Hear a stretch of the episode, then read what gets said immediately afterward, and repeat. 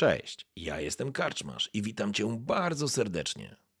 Niezwykle miło mi cię gościć w progach mojej karczmy. A teraz usiądź wygodnie, odpręż się i daj porwać się historii, którą mam do opowiedzenia. A jeśli spodoba Ci się to, co usłyszysz, zawsze możesz rozważyć wsparcie mnie za pomocą patronite.pl.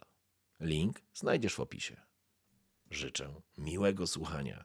Oby nam się! Widar zbliża się więc do czary powoli, z każdym kolejnym krokiem czując się ciężej i ciężej. W jego głowie kotłuje się w tym momencie pełno słów, pełno, pełno dialogów, pełno scen z przeszłości, przeszłości nikłej i tak naprawdę krótkiej, gdyż większość z tego, co miał, już mu wcześniej zabrano. Cofa się tak daleko, jak tylko może. Widzi przed sobą swoje dłonie trzymające miecz. Parada widarze! Cios. Jeszcze raz! Jeszcze raz! Dobrze! Dobrze! Kolejny cios, kolejna parada, kolejne odbicie. Dobrze. Nieznajomy głos w ciemności. Nieznajomy nauczyciel. Ten, który uczynił z niego tym, kim był. Dobrze, widarze. Będzie z ciebie jeden z nas. Dobrze. Kolejna scena. Okręt. Jego załoga, załoga jego i jego dawny przyjaciel Alf. Piją w karczmie. Opowiedz znowu ten żart, widarze. Jak opowiadasz żarty, co takie jakby... tak jakby pies dupą szczekał, bo nie umiesz tego w ogóle. Ale dawaj, dawaj! Śmiech jego towarzyszy. Nikłe chwile szczęścia. Widar, widar, widar! Kolejna scena. Kobieta w jednym z szynków. Jak cię zwą? Widar. Chodź do mnie więc, młody widarze. Chodź i spań ze mną wieczór. Następna scena. Tym razem ognisko, jego towarzysze. Dobry z ciebie przyjaciel, widarze. Odzywa się Agrat. Zdrowie twoje, widarze. Mówi Torgot. Jan. Widar zbliża się do czary. Widar. Widar. Zanurza się w czarze. Zanurza głowę. Sprecyzuj słowo albo któ- które, o którym myślisz, bo mam parę pomysłów, a nie chciałbym e, czegoś źle zinterpretować. Widar? Jego imię, tak. W porządku. O kurwa. To nie lepiej było wiedźmi, a nie, bo to musi być dobre, tak? Eee, Musi być bliskie Kurna. słowo. I ten moment. Ten moment. No to nieźle. czujesz, że coś po prostu. Czujesz, jak coś ci pełza po plecach. Kiedy wspomnienie, kiedy słowo widar, kiedy coś, co przez chwilę zaczęło budować Twoją osobowość, ciebie ty samego, bo przecież Ty budowałeś się od początku, Ty nie pamiętałeś. Nic nie pamiętasz z przeszłości, poza oczami, poza głosem, poza krótką historią, kiedy Ktoś cię odnalazł, wrzucił do klatki, walczyłeś, ale te słowa widar zaczęły napawać ciebie w pewnym momencie dumą, czymś dobrym, miłym. Budowały w tobie poczucie tego, że jesteś człowiekiem, że jesteś ważny, że dla kogoś możesz być ważny. Nieważne, że to była dziwka z szynku. Nieważne, że to była grupa piratów, która skandowała twoje imię i ty sam zacząłeś je skandować dumnie, bo zwyciężyłeś w kolejnej walce ale ważne było, że, że znalazłeś osoby, które zaczęły cię. Czujesz, jak słowo widar opuszcza cię. Widarze. Nie buduje w tobie poczucia człowieczeństwa, czegoś ważnego. Dostrzegacie, po raz pierwszy dostrzegacie wszyscy, kiedy widar odsuwa się, jakby był totalnie naćpany. Od misy obraca się do was, tak jak słyszeliście wielokrotnie, że Wiedźmini nie są ludźmi, że to potwory, plugawe mutanty. Po raz pierwszy zauważyliście, że twarz Widara straciła jakikolwiek wydźwięk emocjonalny. To jest maska. Nie potraficie go czytać. Janie, absolutnie nie wiesz, co ten człowiek może zrobić. Może się rzucić na was w tym momencie albo skoczyć w przepaść. Widarze, dla ciebie to oznacza minus jeden empatii. Schodzisz na jeden poziom empatii, więc e, musisz mieć z tyłu głowy, że bardzo mocno zbliżyłeś się do granicy bycia człowiekiem. To znaczy, emocje dla ciebie przestają w tym momencie w wielu wypadkach grać rolę, a wy to dostrzegacie. Każdy z was dostaje natychmiast kość adrenaliny. Abi spogląda się na was. Stało się. Ruszajmy. Nikt nie może nic powiedzieć. I ponownie wchodzicie. W jakiej kolejności? Peter udaje się tuż za Abim, tak naprawdę, bez słowa, Mhm. bez emocji. Ja biegnę, ja biegnę prosto za Widarem, Mhm. bo chcę go jeszcze zatrzymać, złapać za ramię, spojrzeć mu w oczy i... Widarze. Widarze. Wszystko, co było ciepłe, miłe, dobre, dobrze kojarzące się, już nie ma tego, widarze. Słyszysz, tak jakbyś jadł, coś jadł, ale nie czuł tego smaku. To straciło cały ładunek emocjonalny dla ciebie. I widzisz to, Agracie, on nie reaguje. A więc tak. Synu Jarla. I opuszczam rękę, którą trzymałem go za ramię. Myślę, że ja chciałbym zamykać ten pochód, więc pójdę na końcu. I ja nigdy nie chcę zamykać pochodu, bo jeszcze się stracę gdzieś z tyłu. Więc idziesz przed Więc Torgotem. idę przed Torgotem. Wchodzicie w bardzo ponurym nastroju do tego miasteczka, do tej wioski. To nie jest tak widać, że zapomniałeś, tylko za, zapomniałeś tego całego pozytywnego ładunku, dlatego twoje emocje w tym momencie są naprawdę na poziomie minimalnym. Chcę, żebyś to pamiętał jako, jak, w, przy odgrywaniu. Nie stałeś się bezduszny. Po prostu jesteś pozbawiony jakiegokolwiek ładunku emocjonalnego w tym momencie. Przechodzicie przez wioskę. Po chwili słyszycie szepty. Każdy z was zupełnie coś innego. Służki szepczą do was otwartymi, pozbawionymi języków ustami. Obiecują wam wszystko. Wystarczy tylko, żebyś powiedział, jak mam na imię. Prośba. Każdy rzuca na wolę.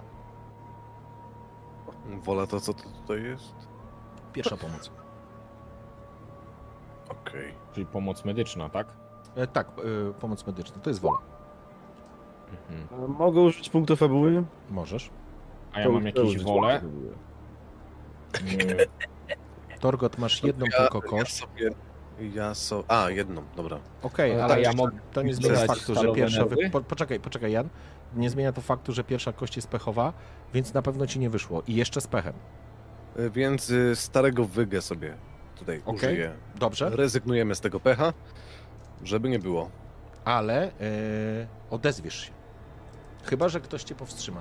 E, pytanie, co z resztą? No, ja mam pytanie, czy ja mogę stalowych nerwów użyć? Stalowych nerwów na wolę. No, nie, to jest magia. plus- To jest Aha, magia. czyli co? Czyli Na co, wolę. rzucam? Tak. Agrat, tobie wyszło.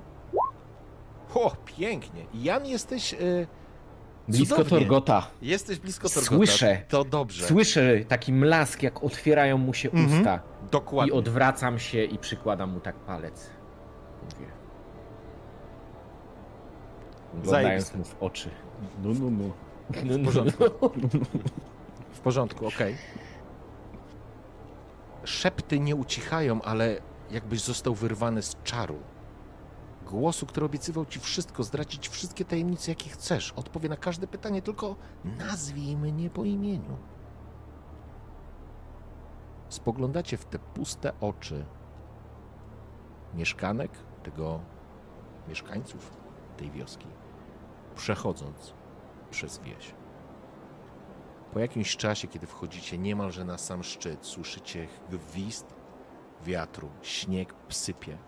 Nie dostrzegacie góry, ponieważ jesteście na wysokości, w której, czy to są chmury, czy pasma mgły, nie jesteście w stanie ocenić, ale dostrzegacie następującą sytuację. Po pierwsze, potężny kołowrót, taki bloczek i platformę na stalowej, takim nie stalowej linii, chciałem powiedzieć, przepraszam, na łańcuchu, która opiera się o ten mechanizm. I to jest moment, w którym stoi również miejsce, w którym stoi Abi. Wyszliście z tego miejsca. Torgot, zdajesz sobie sprawę, że Jan ci w tym momencie uratował tyłek. Za Abim, kilka metrów dalej, widzicie jak w droga, ta, ta, ta, ta kamienna półka, po której z, przez całą drogę szliście, zaczyna przyjmować kształt takich trzech wyrzeźbionych schodów, który ostatni schodek niknie w tej mgle. Sam Abi stoi przed wami. Kiedy pierwszy raz was spotkałem, nie dałbym za was funta kłaków. Ale później udowodniliście, że się myliłem.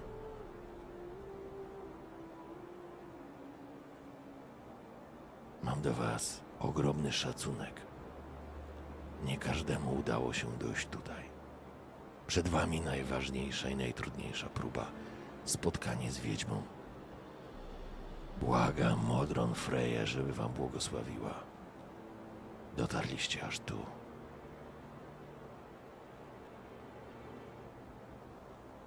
To miejsce, w którym będziemy musieli się pożegnać.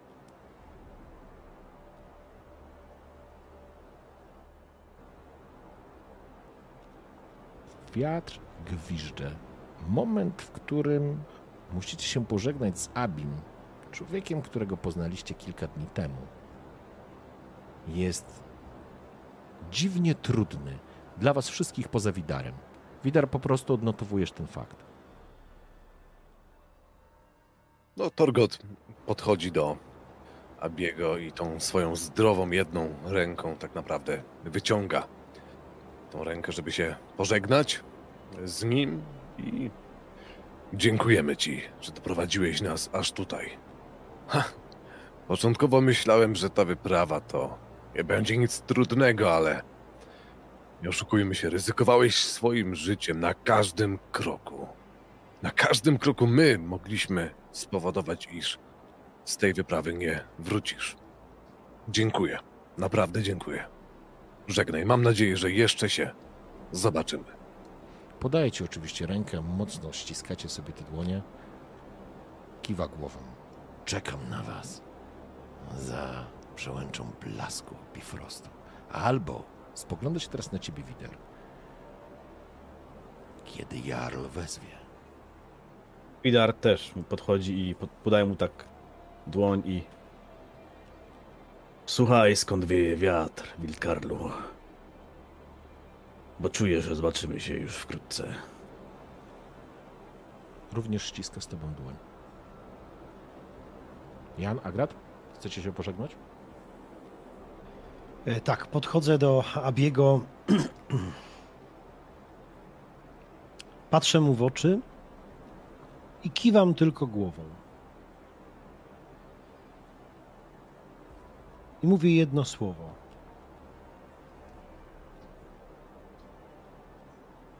Jeszcze. Uśmiecha się, podaje ci rękę. Opiekuj się nimi, Dwergu. Jesteś szaleńcem. Ale bez ciebie nie daliby rady. Klepie cię w ramię. Obraca się do ciebie Jan. Jan nie za wiele, nie za wiele miał do czynienia z Abim, poza tym, że po prostu był ich towarzyszem podróży. Ale Jan nie poczuł jego towarzystwa w walce. Zawsze gdzieś ten Abi był, był dla niego z boku. Nawet jeśli był na froncie walki. Ponieważ Jan był wtedy z tyłu najprawdopodobniej. Dlatego tylko uśmiechnął się do, uśmiecha się do Abiego, mówiąc zwyczajne żegnaj. Abi skinął głową. Niech Modron Freya ma was w opiece. Spotkamy się, wierzę w to. Skorzystacie z tej samej platformy. Podchodzi do samej krawędzi. Faktycznie jest tak jakby żuraw opuszczająca mm, coś na kształt windy, tylko dosyć prymitywnej, ale na łańcuchu. On wchodzi do środka, jest taki jest mechanizm, który trzeba uruchomić. Myślę, że Agrat bez problemu po prostu opuszczasz tą dźwignię. Słyszycie furkot tych, tego łańcucha, tak, takie cykanie, tykanie i ta winda powoli, powoli opuszcza się w dół, ginąc w jakimś chmurze e, albo e, paśmie mgły. Zostaliście sami przed wejściem na szczyt zgryzoty Modolfa. Co teraz? I w tym czasie, kiedy obserwujemy, jak mm, nasz kolega, przewodnik opuszcza się właśnie tą windą na dół, e, stojąc obok Jana, zadaje mu pytanie, Janie, co się wydarzyło w tej wiosce? Nic nie pamiętam. Czułem się wtedy nieobecny. Torgocie, najważniejsze, że udało nam się przejść. Drugiej wpadki, tak jak ta do tego jeziora, raczej byśmy nie przeżyli. Dziękuję. Nie marnujmy więcej czasu. Przed nami spotkanie z wiedźmą. Miejmy to już za sobą.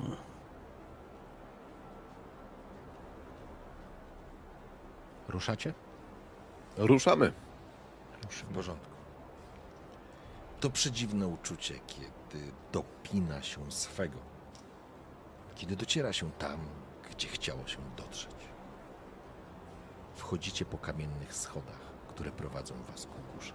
Zanurzacie się w białym oparze, jak mgły, może chmur. Po czym, dosłownie po chwili, stajecie na samym płaskowyżu, który porośnięty jest gęsto lasem. Unosi się trochę tego jeszcze oparu, tych chmur, które unoszą się nad tym wszystkim. Dostrzegacie przez mm, chmury przebijające się promienie słońca, oświetlają zamek, który stoi na środku. Zamek, pałac, można tak powiedzieć, chociaż wygląda raczej jak zamek w, na, w, na, na mm, polu kwadratu. Las, jakiś strumień spływa z zamku, unosi się jakby z, z tych, z, z nad y, murów, unosi się dym, ale raczej jak ognisk albo jakiegoś paleniska, błyszczy się w świetle, e, w promieniach słońca e, zamarznięty śnieg i gdzieś jakieś sople, które, e, czy, czy lód, który pokrył jakiś niewielki stawik, czy może jakieś kamienie. Dostrzegacie również, że sama ta twierdza, ten zamek mieni się tysiącem refleksów, bo ściany są oblodzone i odbijają promienie słońca. Dostrzegacie również na ścianach tej twierdzy potężne proporcje złoto-niebieskie, a na samych proporcjach jest może nie herb, tylko symbol drzewa oplecionego wężem. Spoglądacie po lewej stronie ten piękny zagajnik. Dostrzegacie, że przy strumieniu skaczą potężne ryby. Piękne. Dostrzegacie jakieś osoby w, w gaju po lewej stronie przy lesie. Nawet ktoś was jakby dostrzegł. Tak, jest jakiś mężczyzna, który właśnie opróżnia wnyki. I w tych wnykach, zauważasz, Torgot, kilka zajęcy. W jednych? No tam jest kilka po prostu pułapek, ale jakby dostrzegasz, że jest tu, jakby to nazwać. Kurczę, no, byłeś w wielu miejscach, jesteś yy, myśliwym, łowczym. Ten las, który się rozpościera przy tej twierdzy, ta twierdza wyrasta ponad las, yy, jest bardzo obfity w zwierzynę, powiedziałbyś. Widzisz ten strumień po prostu. Masz wrażenie, że stanąłbyś przy tym strumieniu i rękoma byś wyciągał ryby z niego. Czyli jest to takie jakby niemożliwe, tak? To znaczy, może nie niemożliwe, to znaczy, wiesz, jesteście na szczycie góry, nie?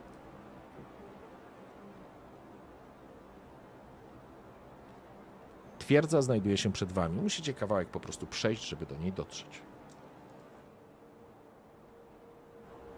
Co robicie? Widzicie, co, widzicie to, co ja? Jakim cudem? Taka zwierzyna, takie bogactwo, ten las, to wszystko tutaj na górze. Nie tak wyobrażałem sobie siedzibę lodowej wiedźmy. Uważajcie, to może być iluzja. Uda, uda to jest. Nie dajcie się zwieść. Chodźmy czym prędzej. Okej. Nie patrzmy się na to. Ruszacie w kierunku twierdzy, tak? Tak. W porządku. Kiedy ruszacie w tamtą stronę, jakby przez nikogo nie niepokojeni. Osoba, która opróżniała te, te wnyki, właściwie zbierała tą zwierzynę, spogląda się na was z zaciekawieniem, jest kilkanaście metrów od was. Wygląda na zwykłego chłopa, który po prostu, czy, czy, czy, czy może nie chłopa, ale no tak, jakiegoś myśliwego albo kogoś takiego, który po prostu opróżnia te wnyki. Idziecie dalej i zbliżacie się do samego zamku. Wrota są w ogóle otwarte. Dostrzegacie, że przy samym zamku ktoś pracuje. Jakieś roboty, że tak powiem, takie naprawcze, to mało istotne. Co rzuca wam się w oczy, te osoby nie mają uszu.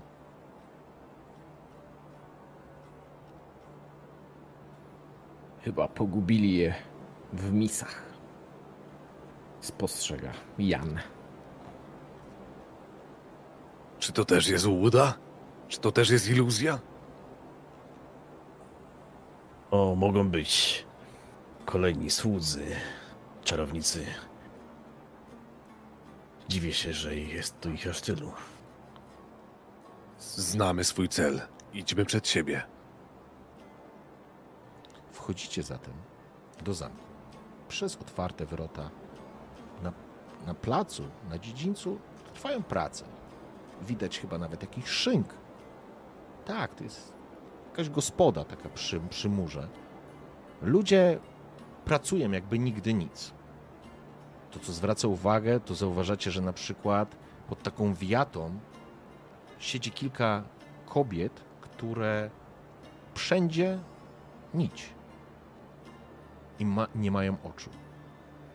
No po prostu robią to przez dotyk.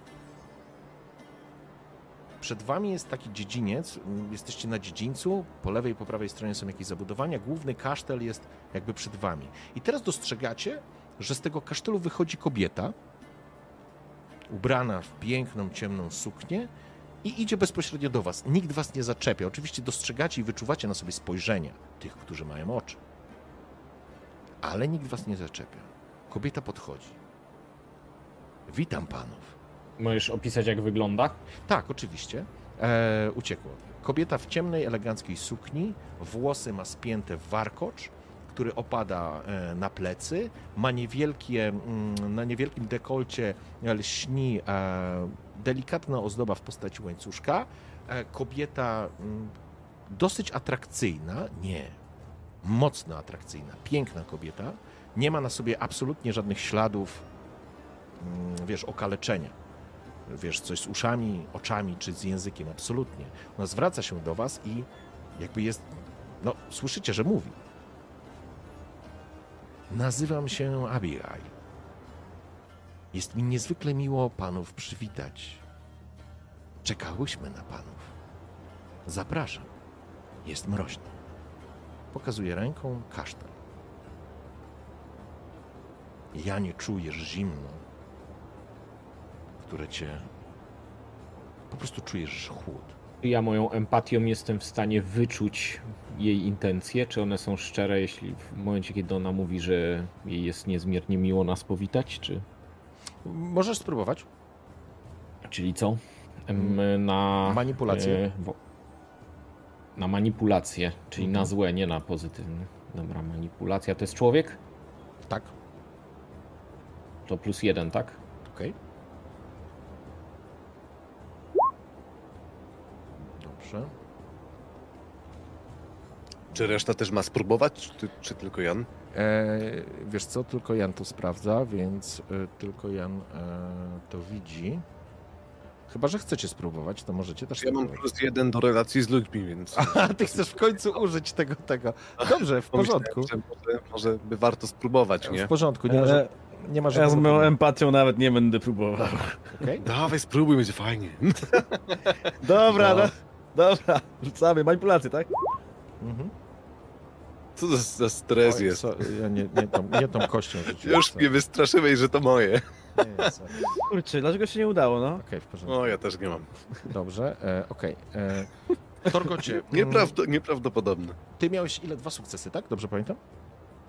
Kiedy? A nie Torgocie, e, Janie, ty miałeś dwa Jan, sukcesy. tak, miał dwa. Tak, ja miałem dwa. Okej, w porządku. E, kobieta, która przedstawia się tak miło, z pewnością chce być miła, ale wie, że to jest chyba wyrachowane. To znaczy, to co ona teraz e, jakby przedstawia, to nie jest naturalna relacja, tylko to jest e, jak służba. O, to jest dobre określenie. To jest służebne podejście. Nie wyczuwasz nim... ona po prostu tak mówi, bo tak, tak powinna powiedzieć, ale nie ma za tym jakichś szczerych intencji. Nie, nie, tu to nie jest, e, wiesz, ona traktuje faktycznie jak służba. Służalczo podchodzi do was. Służebnie, przepraszam, nie Czyli tak wypada i tyle.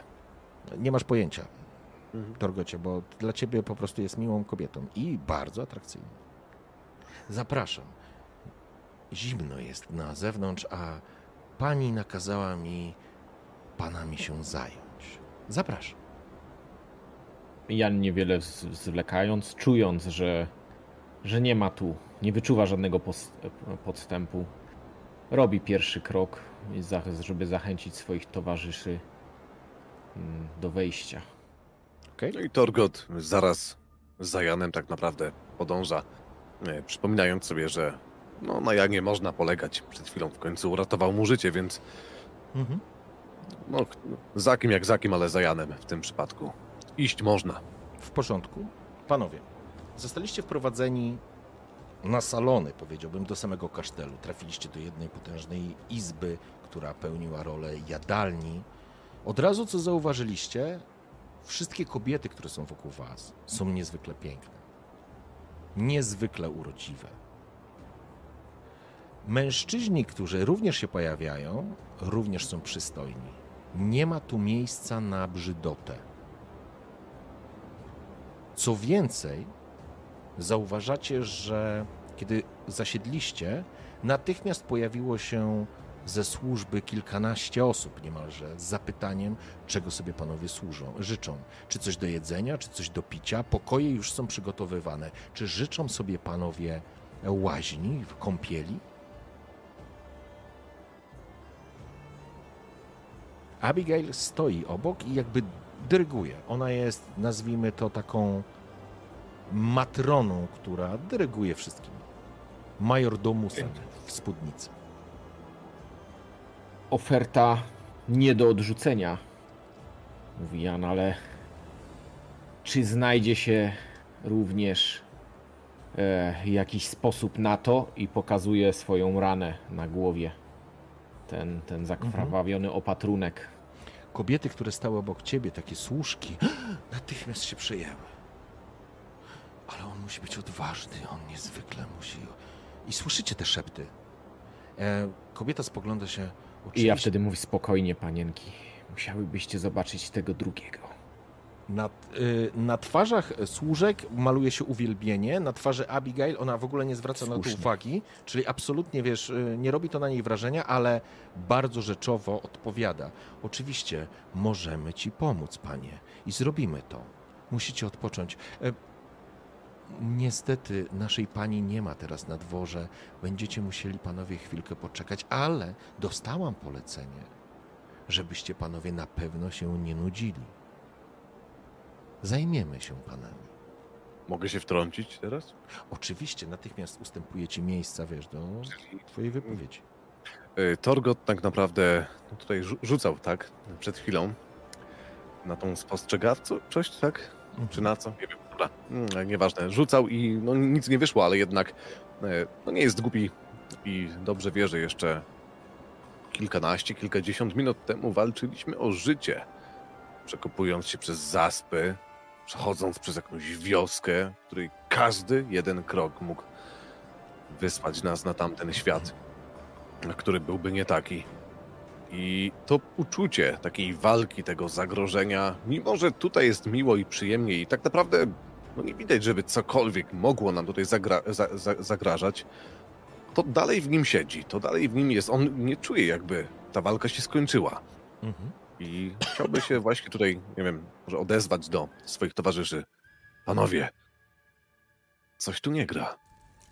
Oczywiście, jeżeli dadzą łaźnie, jeżeli będzie co zjeść, dlaczego by nie, ale czy nie wydaje wam się, że coś jest tutaj nie tak? Coś jest tutaj nie w porządku.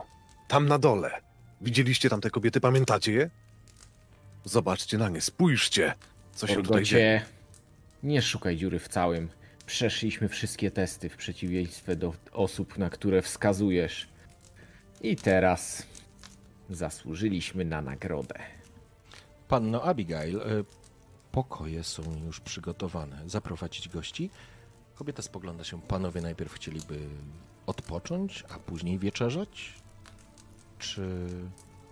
Teraz odpoczywamy. Rozmawiamy. Nie przerywaj nam. Oczywiście. Proszę nie traktować Jak tego jako niegrzeczności. Czy przed wyruszeniem w drogę ktokolwiek wspominał o tym, że tutaj na górze czeka nas raj? Zobacz na to. Jeszcze przed chwilą wisieliśmy za jajca powieszeni, gdzieś tam w jaskini Yeti. Słuchają te kobiety tego, co mówisz, spijają twoje słowa z ust. Z tego co wiem, im niżej, tym lepiej. Walczyli W przypadku tych gór, tego miejsca. To prawdziwi Im bohaterowie. wyżej, tym gorzej. Spójrzcie na to, co jest wokół nas. Torgocie, Co chcesz robić, Torgocie? Stać i czekać?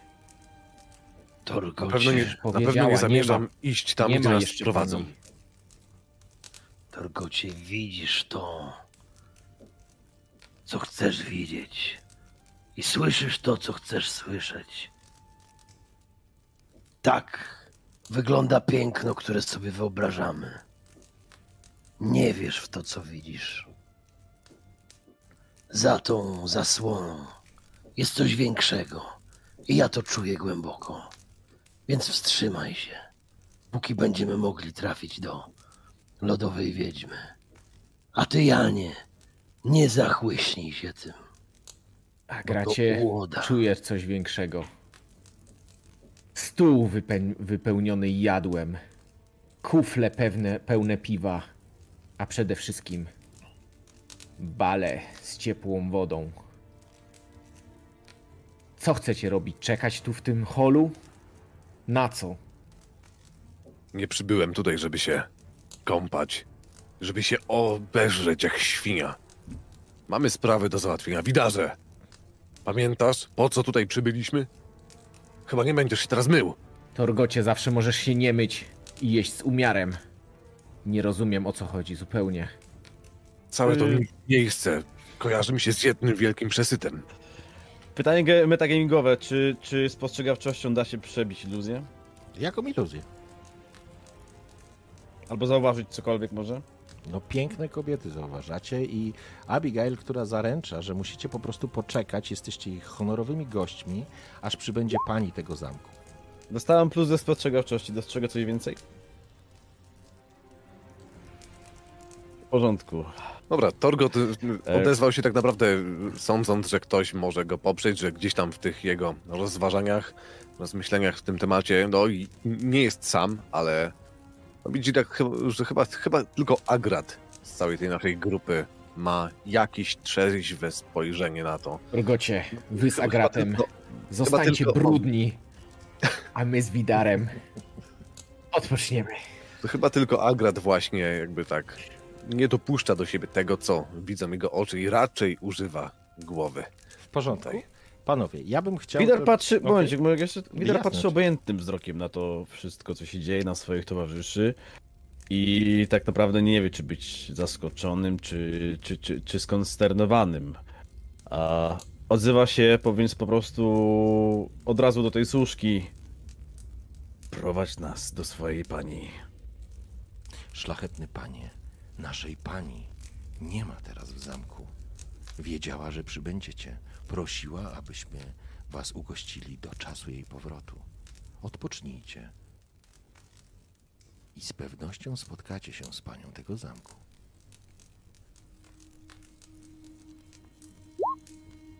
No i nie jesteśmy w stanie jakby przejrzeć czegokolwiek, co mogłoby tutaj być, bo Słuchaj, no stoi przed tobą kobieta.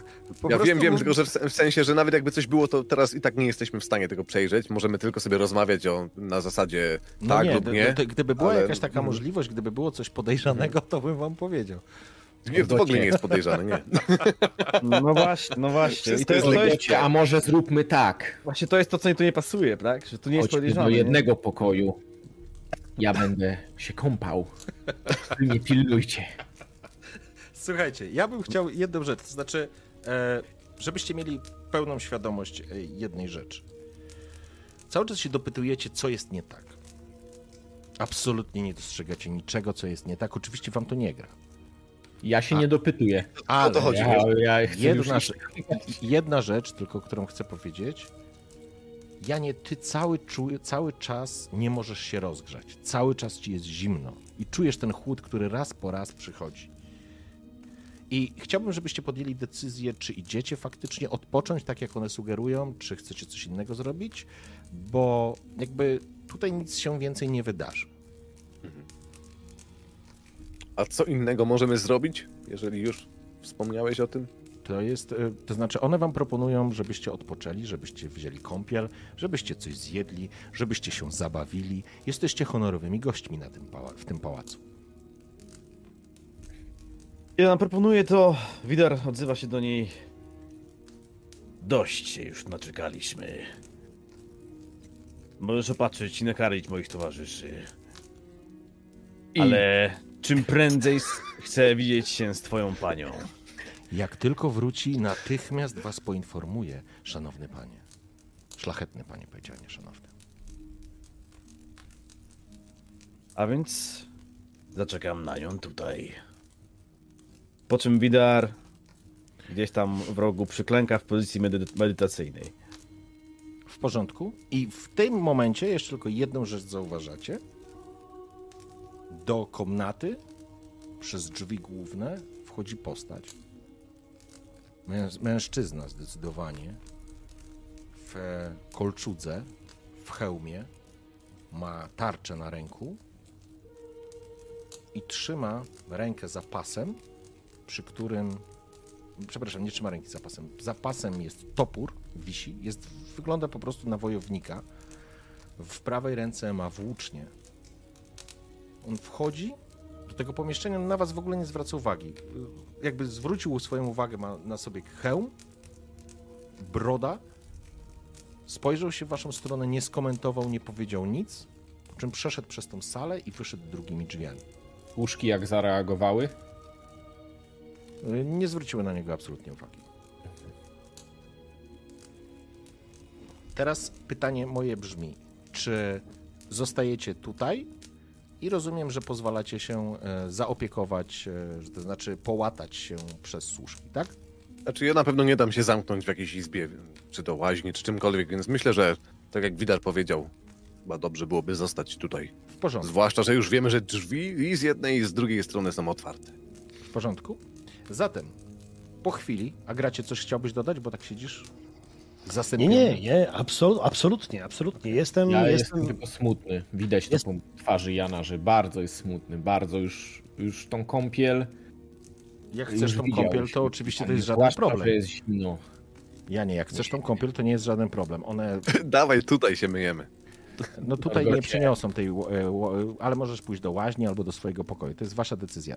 Tak czy owak, po chwili stół został e, zastawiony różnego rodzaju jadłem. Czy ja mogę szybko iść tą kąpiel wziąć i zostać opatrzonym? Oczywiście, że możesz wziąć kąpiel. I To ja możesz- bardzo chętnie wezmę. Panowie, zaraz wracam.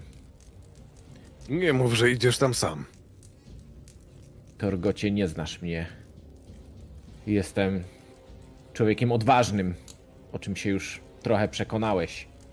Wokół niego jest Januszek kobiet, które z uwielbieniem na niego wpadły. Wpadłem Ale się to nie jest obrazy. dobry pomysł, żebyśmy się rozdzielali, Janie. Torgocie, będę tuż obok, za drzwiami.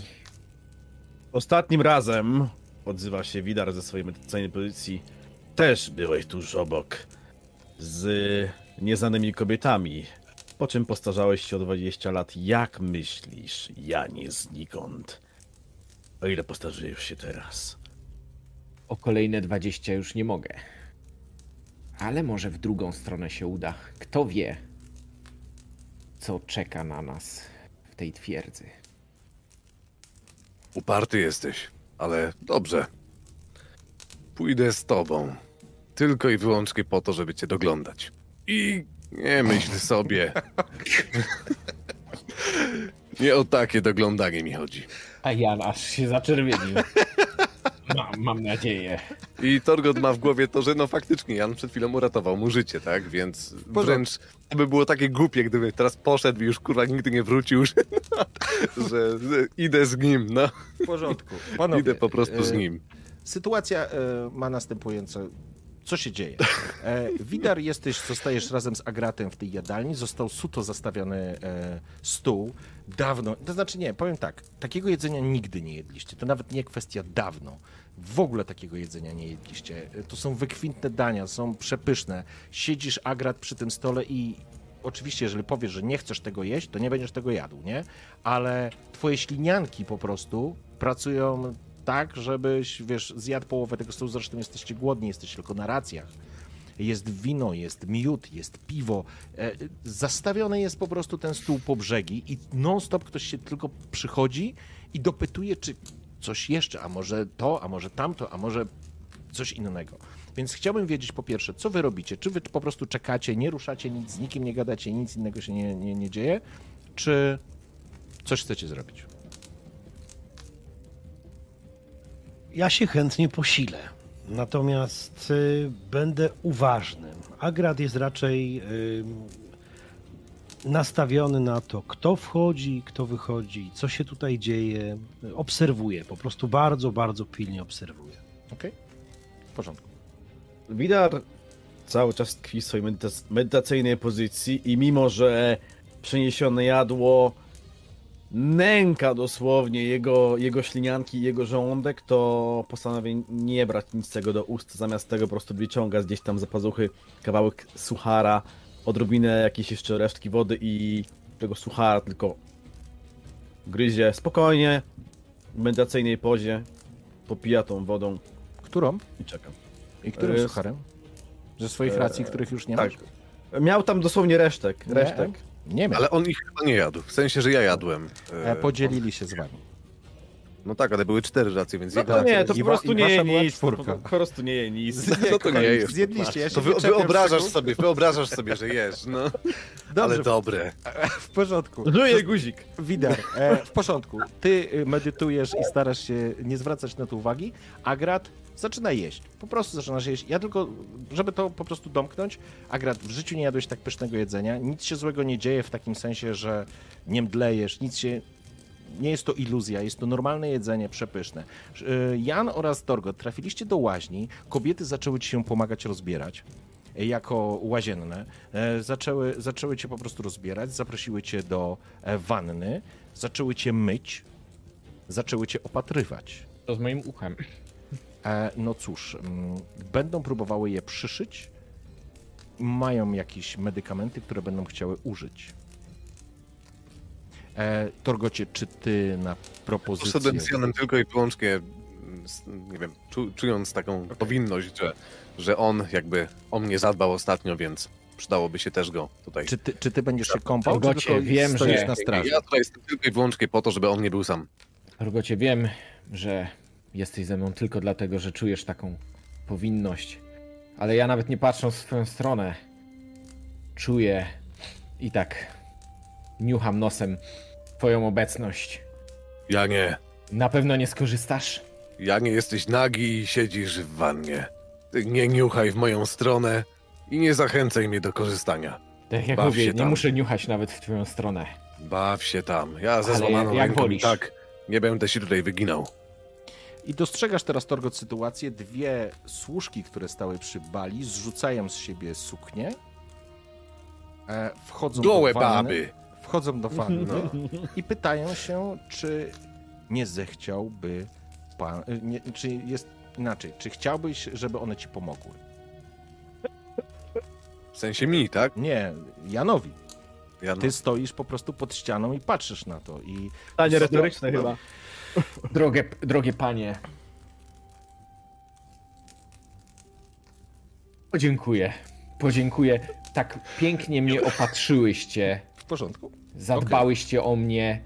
Dolejcie mi tylko trochę gorącej wody A czy i tam się panie? zaczynam gąbką Do it. Szorować. w porządku. I teraz tak, co się dzieje, panowie? Żebyśmy mogli to trochę y, jakby Ja też tak się staram szybciej, jakby wiem, że Torgot się niecierpliwi, więc Ja staram wiem, się to dość wiem. szybko załatwić. Panowie, tylko chcę wam powiedzieć, co się generalnie dzieje. I teraz się zacznie. Nie. Z każdą chwilą spędzoną na zamku utwierdzacie się w przekonaniu, że nic złego się nie dzieje. Jest to irracjonalne, dziwne, chore, niewytłumaczalne, ale nic złego się nie dzieje. Kuriozalnie, jedyną osobą, która w jakiś sposób odczuwa, że coś jest nie tak, ale przez swoje. przez, przez to, kim jest, jeszcze tego nie dostrzega albo nie rozumie, jest Jan. Bez względu na wasze przekonania, Agrat, Widar i Torgot, z chwili na chwilę wasze podejrzenia w stosunku do tego miejsca zaczynają słabnąć i blednąć. Kiedy Agrat spałaszował kolejny talerz i wypił kolejną, kolejny kielich wina czy, czy miodu, uznałeś, Widarze, że przecież nic złego nie może się stać, skoro cholerny krasnolud cały czas tam zajada. Jan, jedyna rzecz, która ci nie pasuje, to to, że nie możesz absolutnie się rozgrzać. Jest ci cały czas zimno. I czujesz to, jak po prostu.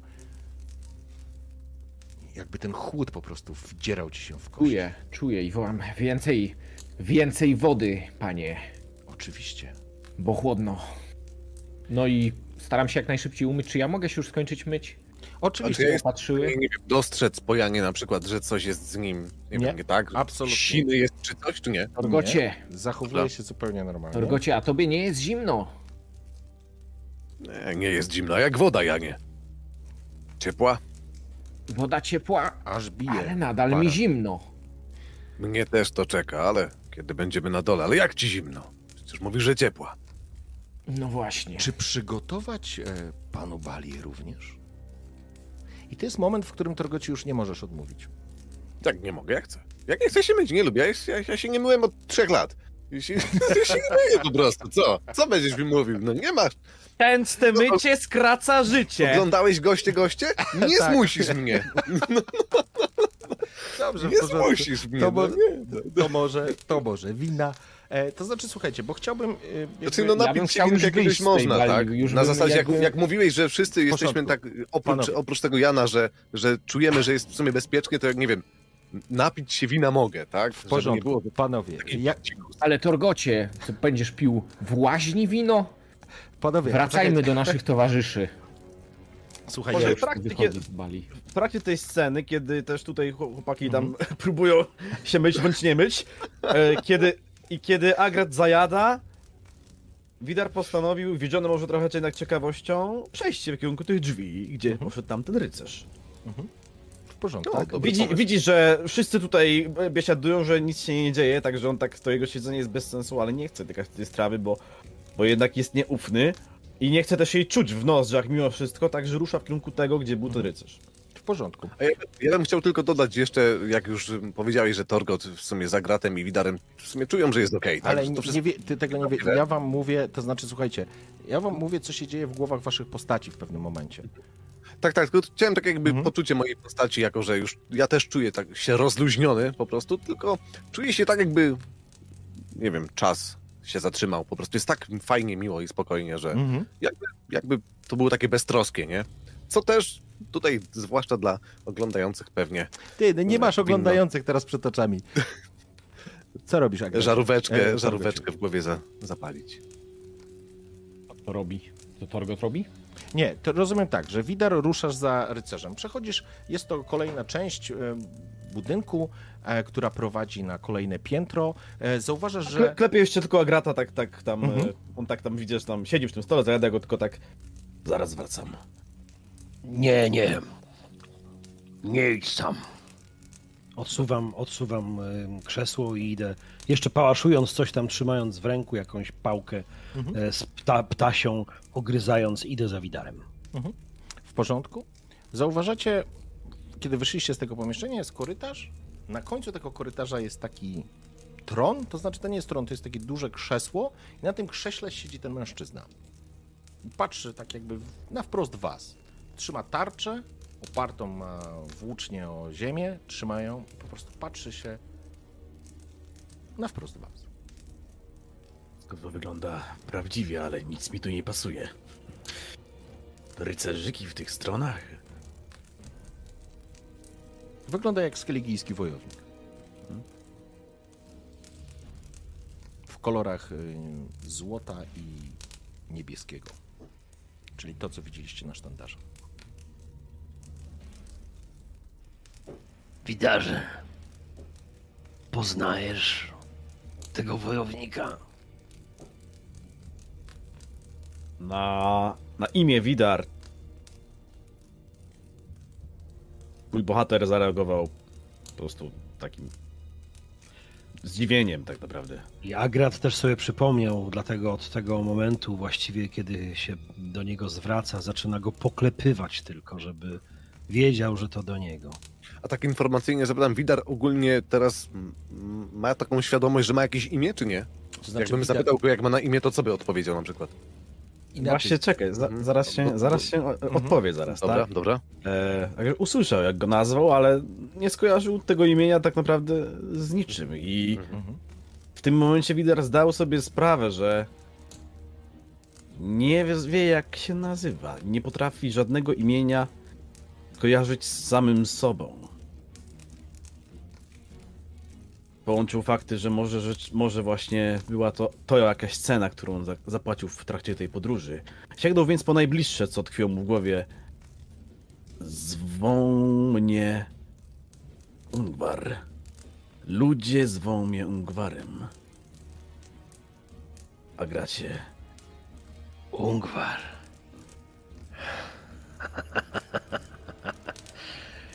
Ungwar, powiadasz. Od dłuższej chwili, kiedy Agrat był zasępiony, uważny i patrzył, co się dzieje, w tym momencie jego twarz się zmieniła, uśmiechnęła się. Może trzeba było zatem coś mocno stracić, żeby coś naprawdę zyskać. Ungwarze, synu Jarla. A zatem pytam cię, czy ten wojownik, który tam siedzi, nie przypomina ci kogoś? I właśnie to jest pytanie, czy ten wojownik kogoś mi nie przypomina. A kogo miałby ci przypomnieć? No właśnie, też pytanie. Wygląda po prostu jak wojownik skeligijski, tak? Może barwy? Nie wiem, jakiś klan, coś? No właśnie. Nie, nie znam Barwy, tego są, człowieka. barwy są kolorów tych na sztandarach, nie? Ungwarze, I Agrat wziął go za oba ramiona, przesunął go do siebie. a pamiętasz, po cośmy te skały, lody, śniegi i tyle, tyle sążni przebyli, żeby dotrzeć tutaj? Pamiętasz, kogo szukasz? I kiedy to powiedział Agrat, masz wrażenie, jakby ktoś cię wyciągał z jakiejś matni. Jakby to wszystko, co się tu dzieje, jakbyś faktycznie. Kurczę, no. Przecież nie jesteście tu długo, a masz wrażenie, jakbyście byli już tutaj. Jakby czas płynął zupełnie inaczej. Jakbyście byli tutaj dużo dłużej niż powiedzmy te kilka godzin. I faktycznie, jakbyś gdzieś. y, gdzieś zapomniał, po co tu przybyłeś. Ale teraz Agrat wyciąga to na wierzch. Ungwarze tu ziarenka piasku w klepsydrze nie spadają z góry w dół. Nie czujesz tego, Ungwarze. Starsza rasa przeżyła dużo więcej niż ludzie. Czuję tu gdzieś w środku. I tu Mimo, się. że to wszystko- Przepraszam, wejdę ci w słowo. Urywa się głos Agrata, tracisz go. Po prostu tracisz w sensie, on urywa się, jakby skończył mówić. Agracie, nie wiesz dlaczego. Jesteś na dziedzińcu. Słyszysz mężczyznę, który stoi obok ciebie w kuźni. Chciałem, żebyś mi pomógł, krasnoludzie. Mam masę pracy. Pani wróci, będzie zła. Pomożesz mi? Potrzebuję wyklepać trochę blach. Widzę, że masz silne ramię. A kim jesteś, żebym miał ci pomóc? Zwykłym kowalem. Widzę, To jak... nic nie jest zwykłe, kowalu. widziałem, jak z zaciekawieniem przyglądasz się i słuchasz. I słuchasz. I słyszysz, Agracie. I słuchasz. I gdzieś na końcu tego tunelu słyszysz dźwięk młota, który wymienia się z dźwiękiem dzwonu. Młot, dzwon. Cecil, młot, dzwon. Cecil. Spoglądasz, Agracie, na siebie i uderzasz. Uderzasz młotem. Raz po raz. Znalazłeś rytm. Odzyskałeś. Pamiętam. Odzyskałeś swój dźwięk. Mężczyzna stoi obok ciebie, poklepując cię. A ty uderzasz w rytm tych. W rytm, który znasz, który zapomniałeś, ale przypomniałeś sobie. Śmiejesz się w głos, kiedy wychwycasz, podnosisz do góry dzwonki i teraz rozumiesz, po co je zrobiłeś.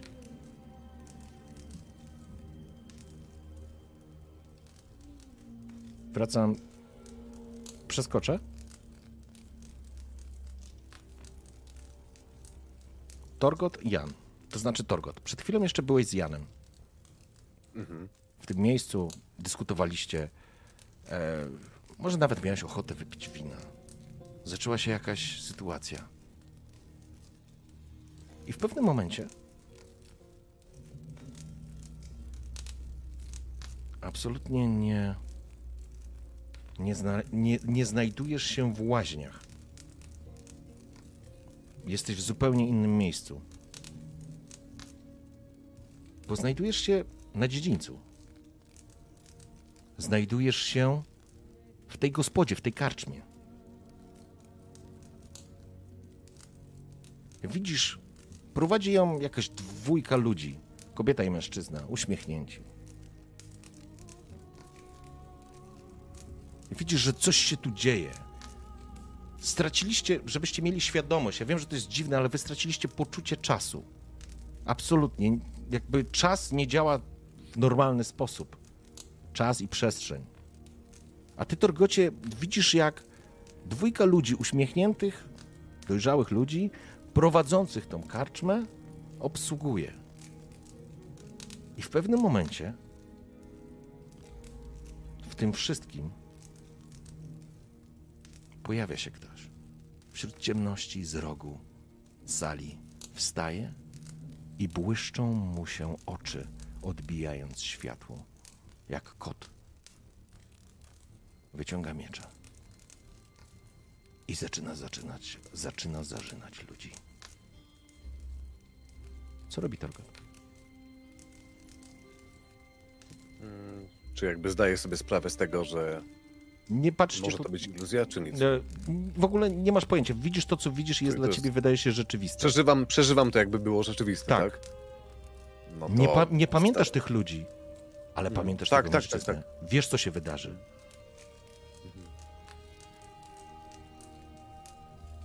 Myślę, że strach przed zarówno ogniem, jak i właśnie tym mężczyzną jest na, we mnie na tyle wielki, że bez towarzyszy wokół mnie, broń Boże, nie zamierzam go atakować. Opuszczam gospodę, W porządku? jeżeli to jest możliwe. I robię to, to nie jest przemyślane, robię to po prostu ze strachu. Okej? W porządku? Zaraz do ciebie wrócę. Widar, stoisz razem za gratem. Wybrzmiewa ci to w uszach. Wybrzmiewa ci to w głowie.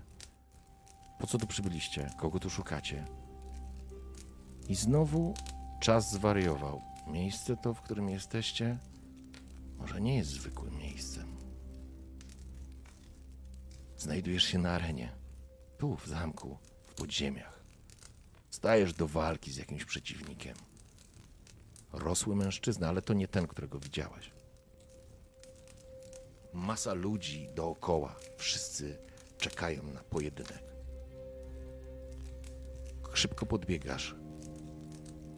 Drobisz tylko nogami, zostawiając za sobą chmurę, taki, taki pył, który leży na arenie. Kilka uderzeń miecza. Zgrzyta stal o stal. Jest wolniejszy, jest silniejszy, ale jest wolniejszy. Przeskakujesz z nogi na nogę. Skręcasz ciało, parujesz, parada. Znajdujesz lukę. Tniesz. Krew pada na arenę. Wsiąka w ziemię. A tłum wokół krzyczy Widar. Widar! Widar! Widar! Czy poddajesz się tłumowi, czy wychodzisz z areny nie reagując?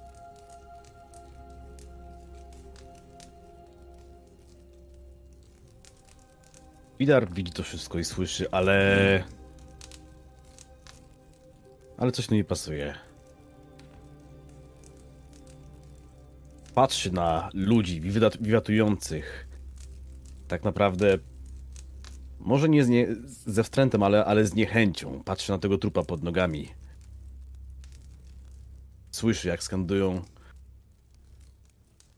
I tylko mówi. Zwą mnie Ungwar. Rzuca miecz i wychodzi z areny. W porządku, wrócę do ciebie jeszcze, Agracie. Odnalazłeś rytm. Przypomniałeś sobie. Uderzasz tak jak z Cecilem. Uśmiechasz się, jesteś szczęśliwy. Mężczyzna, kowal, klepie cię w ramię. Świetna robota. Czy chcesz pamiętać ten rytm? Być szczęśliwy? Przypomnieć sobie? Czy jednak nie?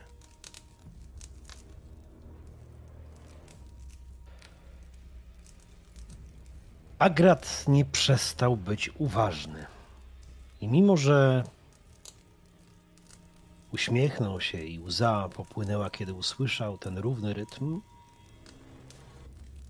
usłyszał sam swój własny głos, który jeszcze całkiem niedawno mówił, żeby nie wierzyć w to wszystko, co tu jest w ułudę, w iluzję, w to, co chcesz usłyszeć, Torgocie, to, co chcesz widzieć, Torgocie.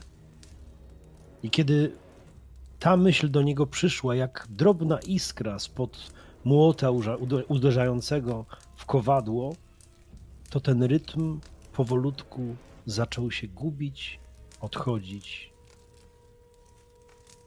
i powiedział na głos. Wiem, za co płacę. Okej. Jan,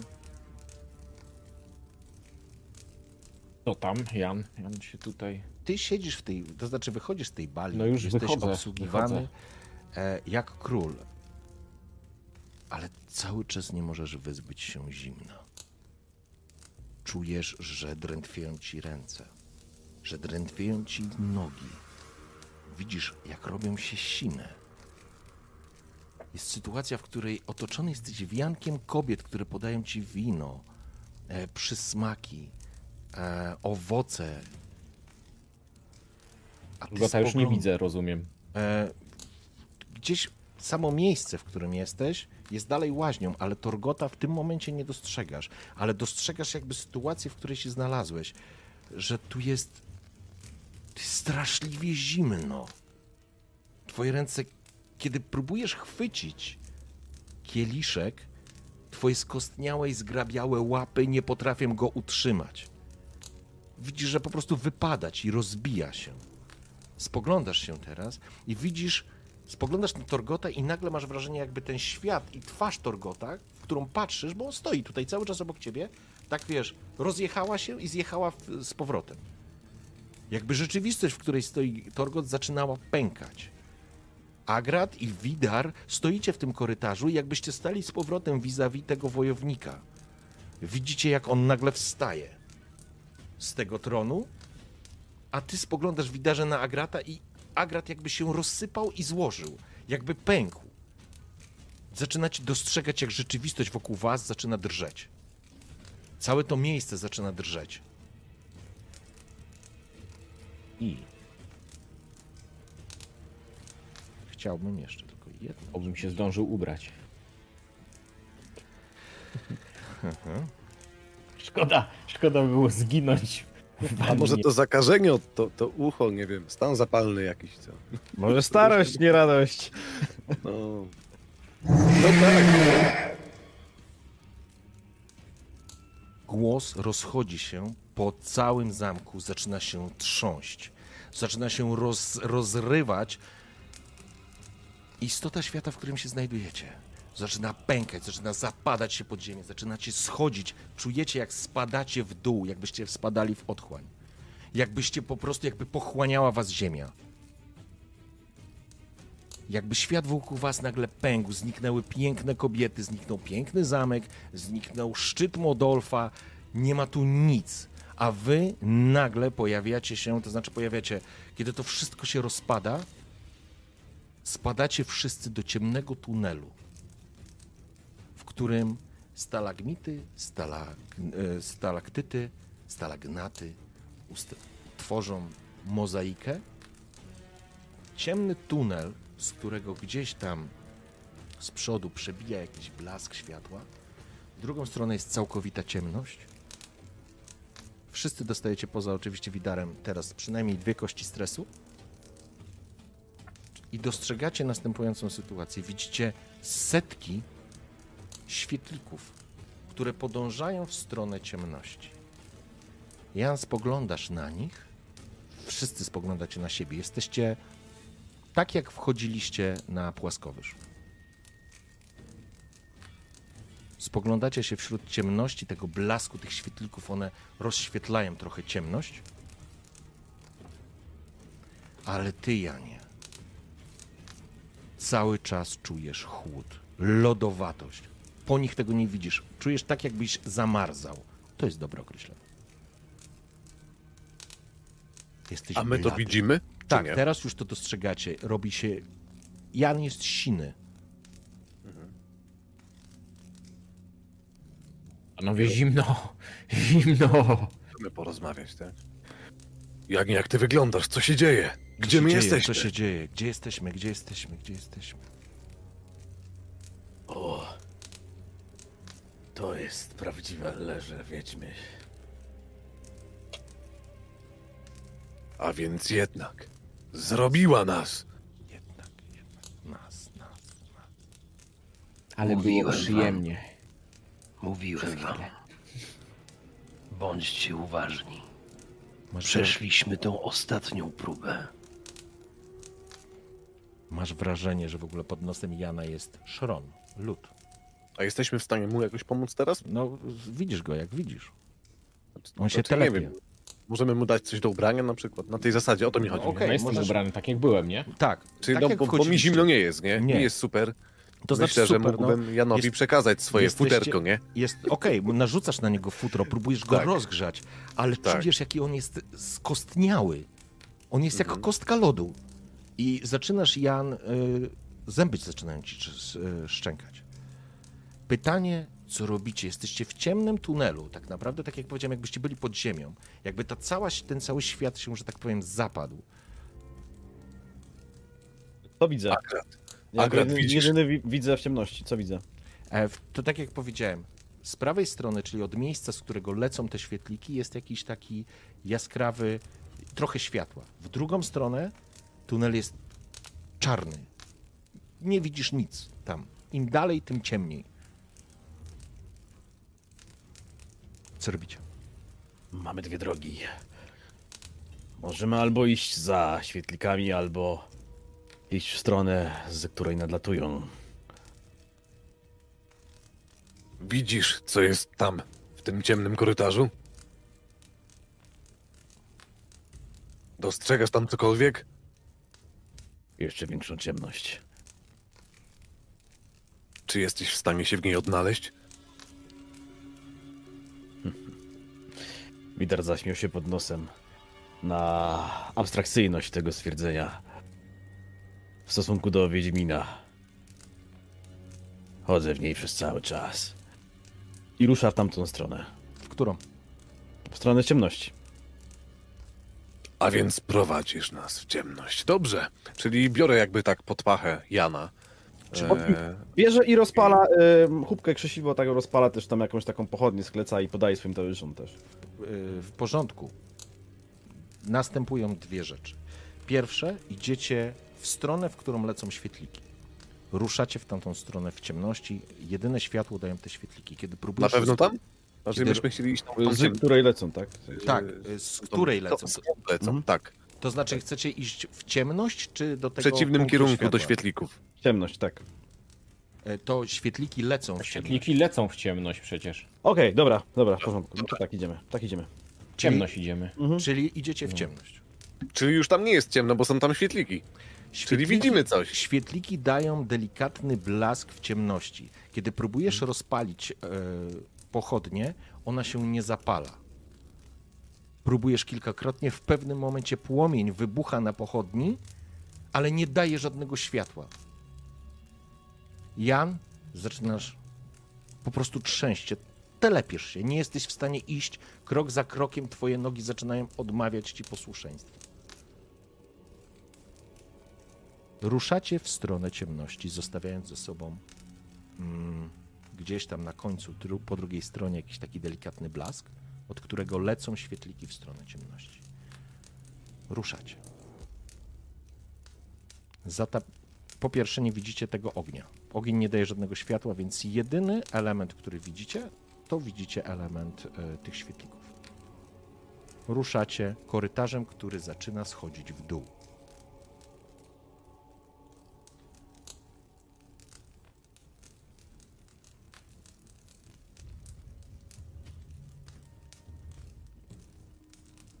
Idziecie cały czas. Okej. Mm, co z Janem? Co z Janem? Widar obserwuje? Jana. Czy, czy Jan w ogóle przeżyje? Czy, czy on w ogóle chodzi jeszcze? Czy ja, To znaczy, się ma, macie, to znaczy, on już właściwie przesuwa tylko stopy i właściwie go niesiecie. Jest zimny jak kostka lodu.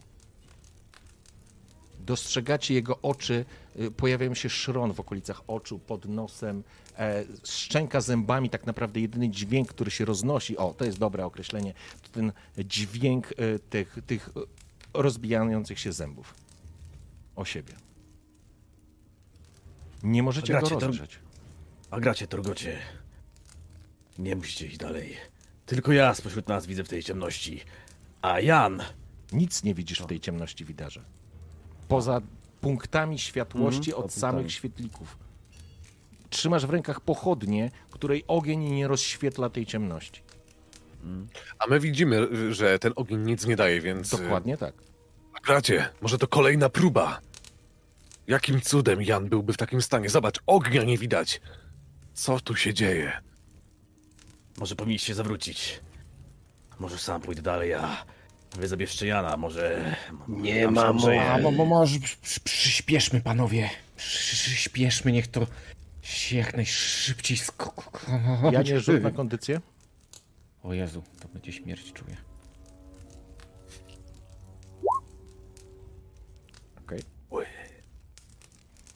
Możesz forsować, nie? E, możesz forsować. A, ja mam punkt fabuły. Chcesz, chcesz użyć punkt fabuły teraz? No, Albo forsuj. Jeżeli no, ale forsu- forsuję, będę miał drugą, drugi stres, jeszcze mi wpadnie Jeżeli ten. pojawi się stres, to e, obniżę ci twoje życie o dwa, a nie o jeden. Ale jeżeli ci wyjdzie, to ci nie obniżę.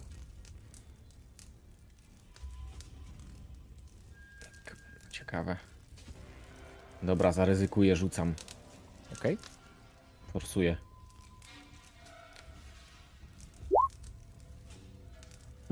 Fifty, Na fifty, jedno fifty. wychodzi. To teraz nie wiadomo.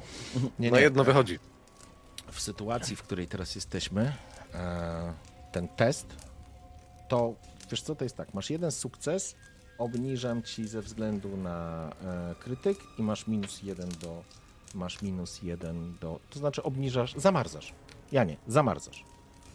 Minus jeden Ale twoje że co, że całkiem. O Jezu, już myślałem, obniżasz całkiem. sobie, nie, nie, obniżasz sobie punkt żywotności, dodajesz dodatkową kość stresu. Jeszcze dodatkową, to Tak. już mam trzy. Tak. O kurde. Idziecie cały czas, że tak powiem, w jakim idziecie szyku i co robicie dalej? Myślę, że idziemy za Widarem, tak, bo on pierwszy wyszedł, więc Pytanie, czy Ja- Widar idzie, czy się zatrzymał teraz, no bo ty to widzisz, to co się dzieje. On zresztą proponował wam jakieś inne rozwiązanie, więc pytanie, co chcecie zrobić? Mm.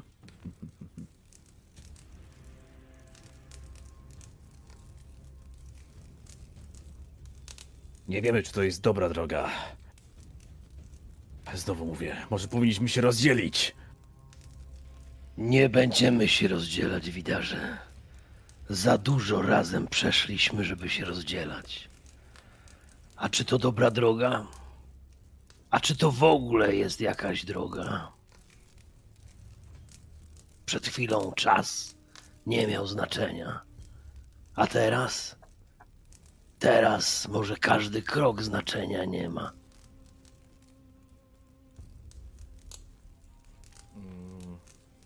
Niech będzie. Idźmy więc i miejmy nadzieję, że jesteśmy już u kresu.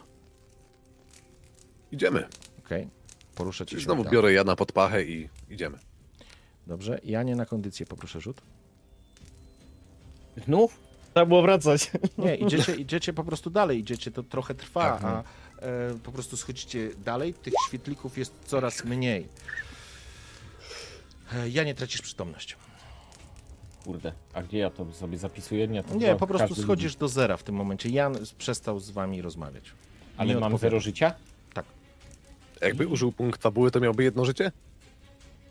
Jakby użył punkt fabuły, to wtedy miałbyś jeden sukces, czyli nie zamarzłbyś teraz. Aha. To może bym użył punkt fabuły jeden i bym nie zamarzł i by mi Dobrze. jedno życie zostało. Okej. Zaczynasz ma- mamrotać, zaczynasz opowiadać rzeczy, których nie widzisz.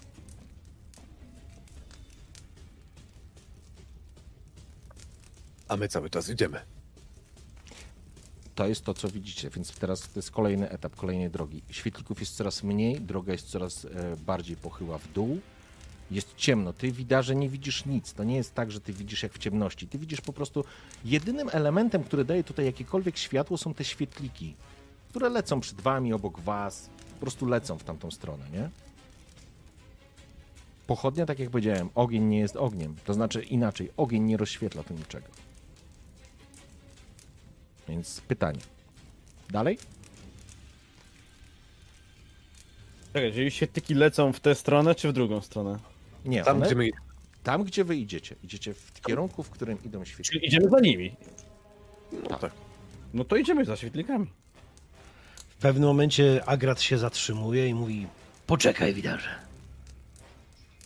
I na cały głos, mimo że słychać, że tutaj głos y, rozlega się zupełnie inaczej. To nie jest tunel, o który odbijałoby się, odbijałyby się dźwięki.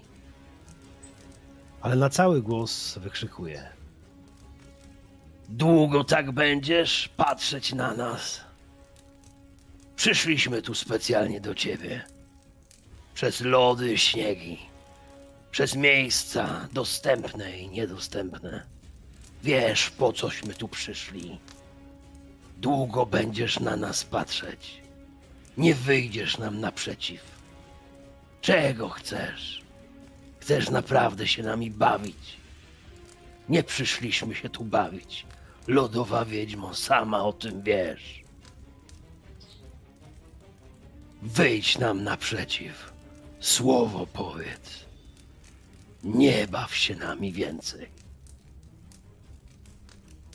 Roznosi się to wśród ciemności, ale tak jak powiedział Agrat, nie uzyskuje jakiegoś takiego efektu echa. Nawet ja nie wejdę do krainy zmarłych. Do krainy Helheimu.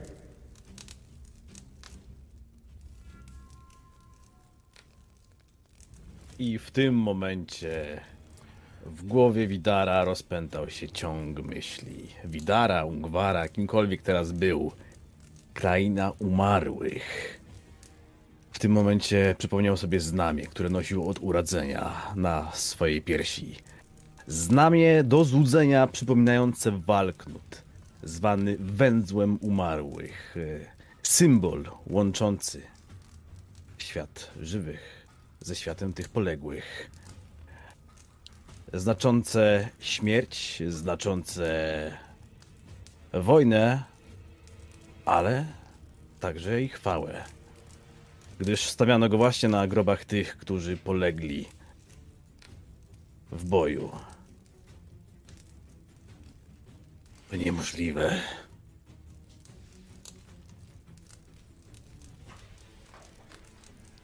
Widarze, Ungwarze, synu Jarla, wiesz po coś tu przyszedł. Ty wiesz po coś tu przyszedł. Helheim.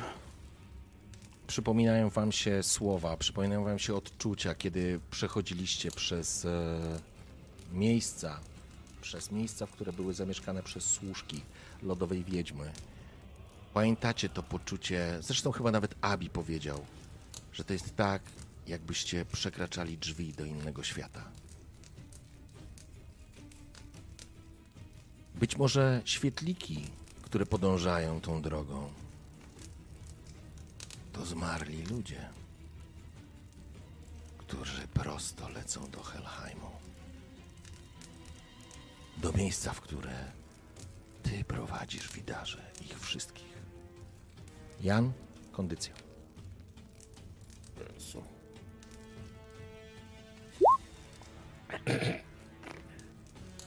Jan, tracisz przytomność. Kurde, zero życia. Czyli już trzeba go nieść, tak? Nieśliście go praktycznie cały czas, ale Dobra. teraz już przestał e, reagować. Okej. Słyszycie tylko trzaskający płomień od ognia, ale on nie daje światła. Widarze, co się kłębi w twojej głowie? Jeżeli ta wiedźma mówi prawdę, to schodzimy do samej krainy śmierci.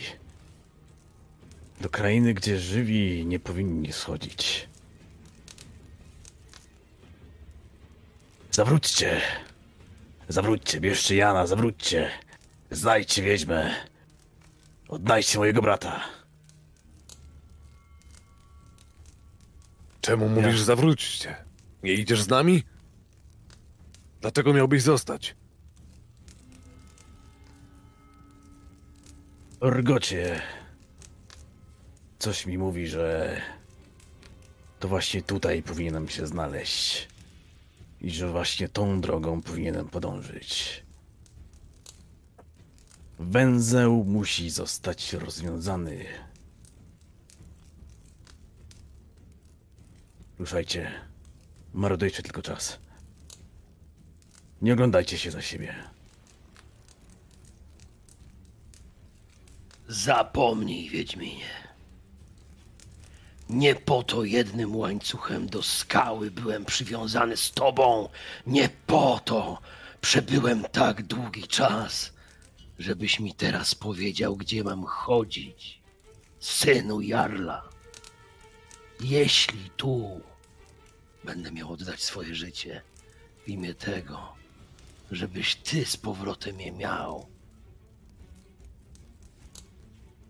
Nie każ mi wybierać teraz. Trzeba było tam, przy skale, Dawno temu rozejść się na dobre. Każdy z nas poświęcił wiele widarze. No może oprócz Jana, który teraz poświęca swoje życie, idąc ścieżką umarłych. Żebyś ty mógł wreszcie dopiąć swego. Ja nie pójdę gdzie indziej.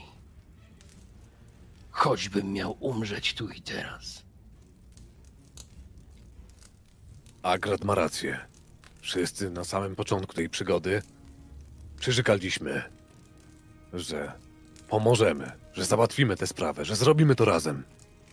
Każdy z nas wiedział, jak to się może skończyć. Może właśnie tak się to tutaj skończy. Nikt z was na to się nie pisał.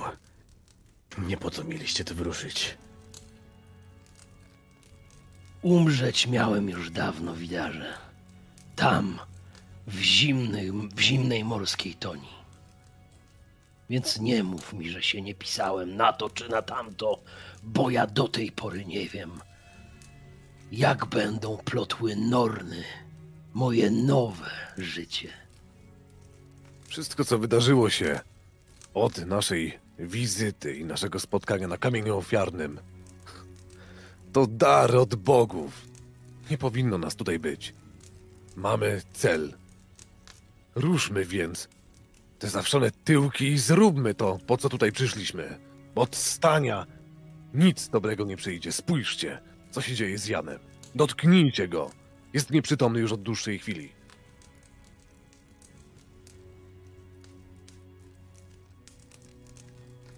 A zatem, czy pamiętasz, widarze, po coś tu przyszedł? Pamiętasz? Czy jeszcze mocniej trzeba ci przypomnieć? Synu Jarla, jeśli się cofniemy, Lugos zabierze całe twoje Arskeligę. Nie możemy tego zrobić. Nie możemy teraz się cofnąć. Nie będzie do czego wracać. Ungwarze. Widarze, masz w głowie mętlik, ale to ty musisz zdecydować, w którą stronę pójdziesz i czy dobrze odczytujecie strony. Czy to iluzja, czy to prawda?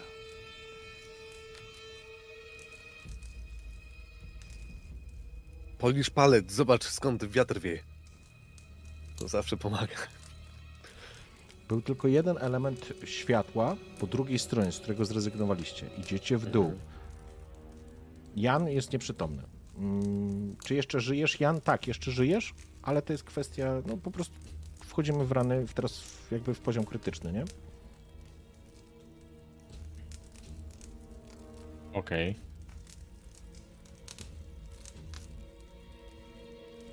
Widar, s- słysząc, słysząc przyjaciół, e, słysząc wiedźmę, chcę zadać ostatnie py pytanie wiedźmie, gdyż tak naprawdę nie zamienił z nią jeszcze jedno, żadnego słowa.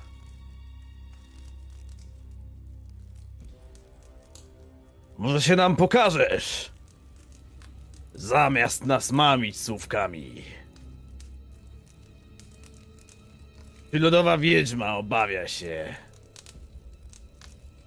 spotkania tym, który nosi na sobie zmian- znamię śmierci?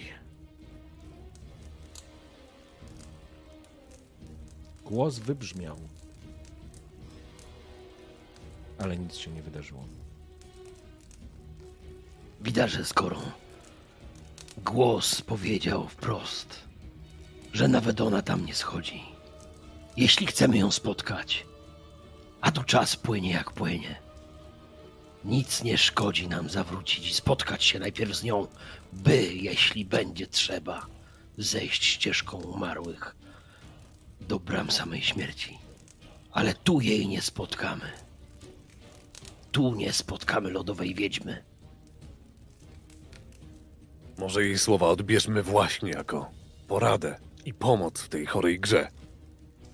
Może Agrat ma rację.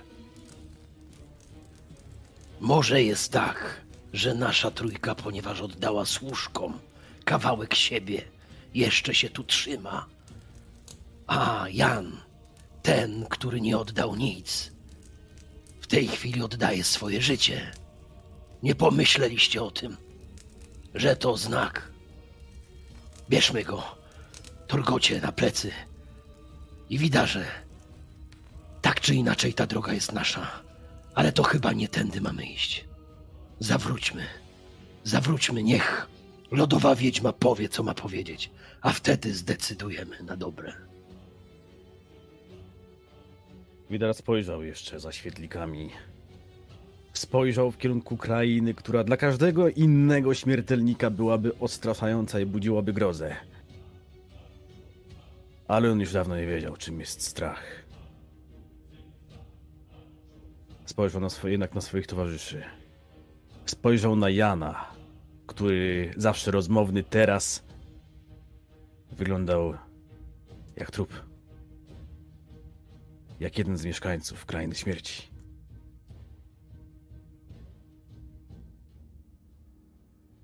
Spojrzał na, na swoich towarzyszy innym wzrokiem. Biegnijmy.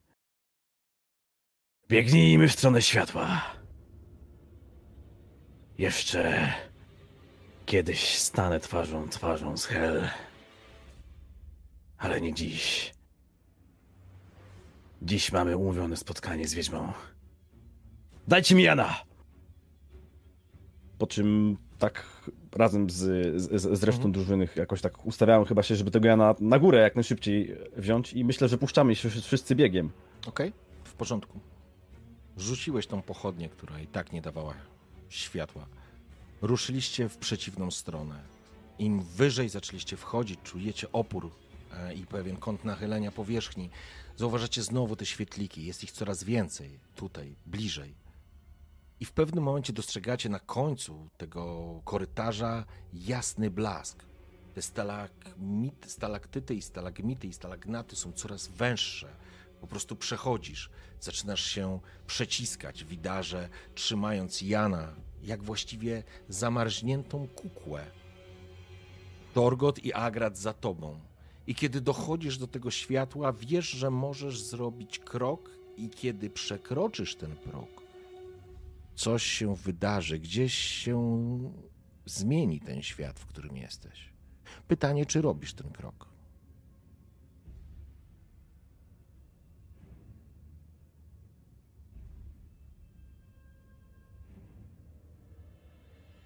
My jesteśmy za Widarem teraz, tak? Widar jest pierwszy. Tak, tak, tak. A, Trzeba go Stoi, w dupę.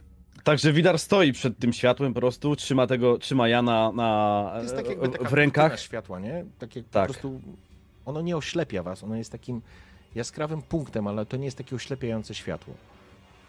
Z niego pojawiają się raz po raz świetliki. Czy wiesz, jeszcze- po co tu przyszedłeś, widarze? Patrzę na kurtynę, patrzę na towarzyszy. Wiem. I wiem, że nie przyszedłem tu sam. Przyszedłem tu. Z przyjaciółmi. I zdecydowanym krokiem rusza do, w, kierunku światła. O, w porządku. Przeciskasz się. I nagle czujesz, jak po prostu Jan zaklinowuje się wśród tych stalagmitów i stalagnatów. On jest zesztywniały. Ty przechodzisz, robisz krok dalej, to światło faktycznie zaczyna cię pochłaniać. A Jan zamienia się w jasny blask. Zaczyna się kurczyć i zamieniać w świetlika.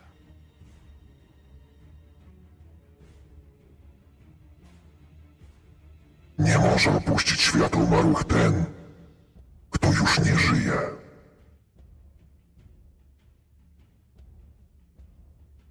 Jan rozpłynął ci się w rękach w tym samym czasie, kiedy ogarnęła cię kurtyna. Agrat i Torgot wchodzicie, bo zamienia się w takiego świetlika postać Jana i zaczyna lecieć w grupie innych świetlików, już teraz nie do odróżnienia, który jest który, w kierunku Helheimu. Czyli nie było obrażeń krytycznych, po prostu umarł. Co robicie?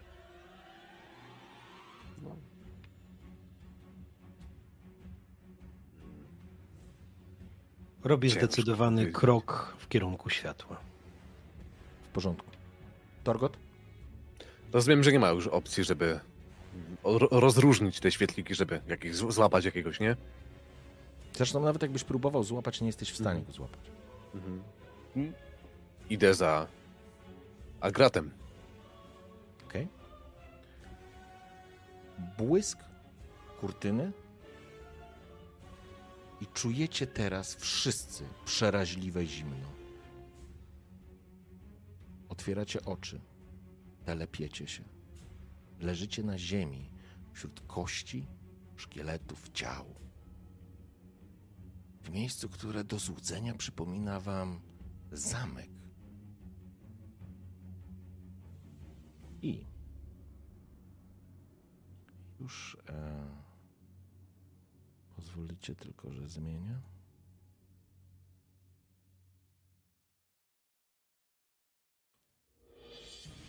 O, przeskoczcie sobie na mapkę. Mhm. Leżycie na ziemi wśród szkieletów, zimna, śniegu i mrozu. Obok siebie Widar, Torgot, Agrat oraz Jan. Jan się nie rusza. A wy widzicie, jak wśród zrujnowanej twi... Aha, nie przełączyłem e, sceny, brawo ja, sorry. Em, a wy dostrzegacie, jak wśród zrujnowanej twierdzy coś po prostu się przesuwa, jak cień, jak pająk. I słyszycie głos. Czempionie, wywiąż się ze swej służby. Na to hasło, jakby na końcu zniszczonego korytarza, dostrzegacie wstającego z krzesła mężczyznę, którego widzieliście. Jan wrzucił sobie czarno-biały filtr. Ja zaraz do ciebie jeszcze wrócę na chwilę. Co się robi? Co robicie?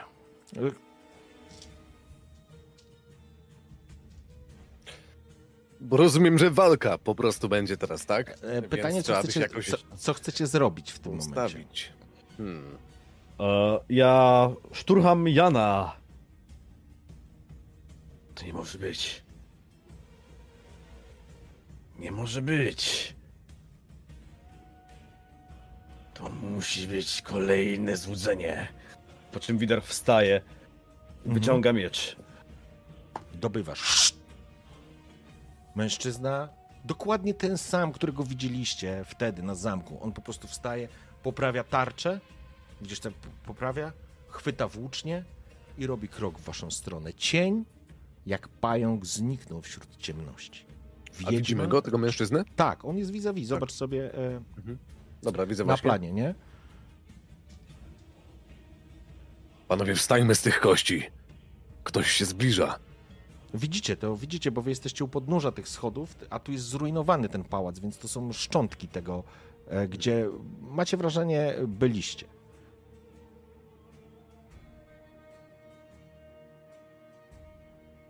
Czy coś robicie?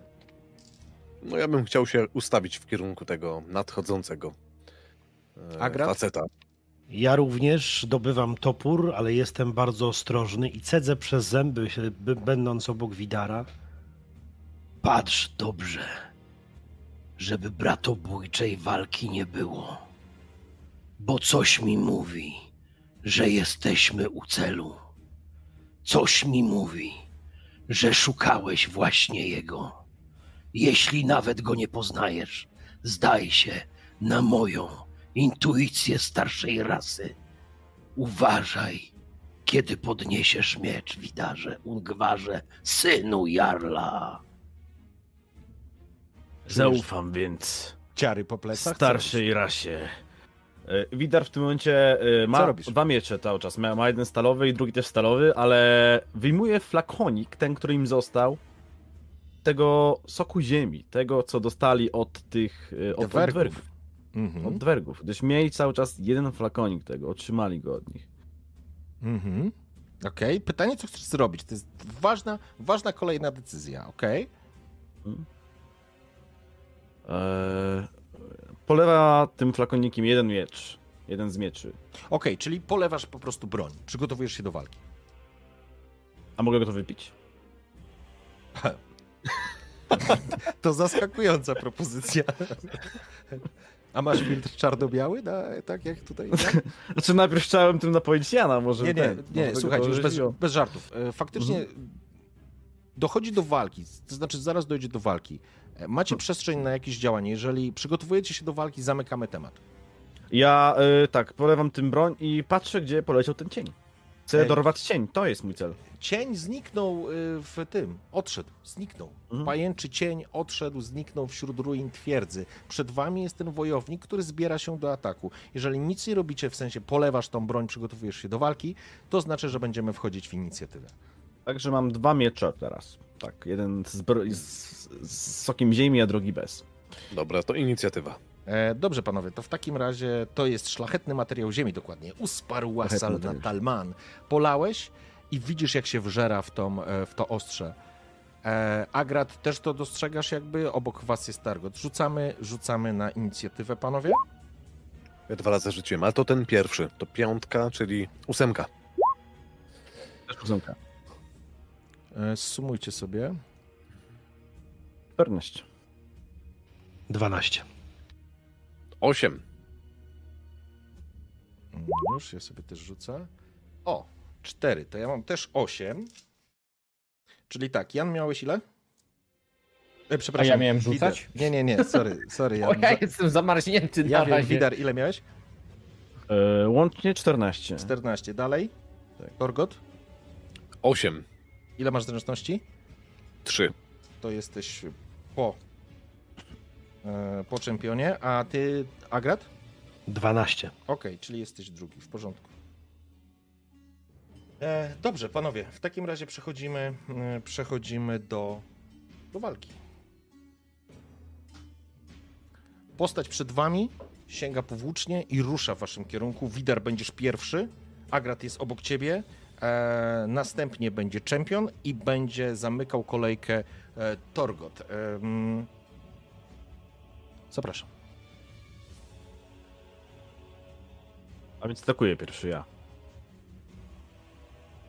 No. Tak, tak, to twój E, ruch jest pierwszy. Mhm. Postać, że tak powiem, ja tylko ustawię was chyba, bo troszeczkę się to ustawienie zmieniło. Eee, bo pewnie pierwszy będzie e, Widar i tu będzie Torgot, o tak. Postać po prostu zmierza w waszą stronę, nie? Em, nie widać nic prócz niego, tak? Nie ma Nie, żadnego nie. właśnie cienia, nic takiego. Mm-mm. Także Wszędzie jest pierwszy- masa kości i różnego rodzaju trupów, które tutaj leżą i one wyglądają na pierwszy rzut oka jakby były w takimi skorupami, nawet nie, nie szkieletami, ale skorupami, z papierową, pergaminową skórą. Mhm. E, Pierwsze, co chcę Widar zrobić, to chcę po prostu wychwycić ruchy tego przeciwnika, może pozbawić go broni właśnie i może mu przemówić do rozumu. Także to Widar chce zrobić. Chce uderzyć, ale żeby go rozbroić. Okej, O to mu manewr. chodzi. Czyli manewr. Mhm. Okej, w tak. porządku. On trzyma włócznie i tarczę. Więc e, przygotowujesz się do manewru. Do Uderza mieczem stalowym tym mm, bez y, tej substancji ziemi, bo to zachowuje na cios decydujący, który trzeba będzie zadać w tym czy innym momencie. Doskakujesz zatem do mężczyzny, który już w pewien trucht wszedł i przygotowuje włócznie do pchnięcia, ale ty będziesz pierwszy zdecydowanie i twoim celem jest e, rozbrojenie, czyli rzucasz na normalny atak, walką wręcz, e, w sensie z broni, e, ale mm, już szybka akcja poszła, więc będziesz rzucał przeciwko jego, przeciwko jego obronie. Mhm. Pięknie, masz trzy sukcesy. Mm, Ja będę w takim razie się bronił.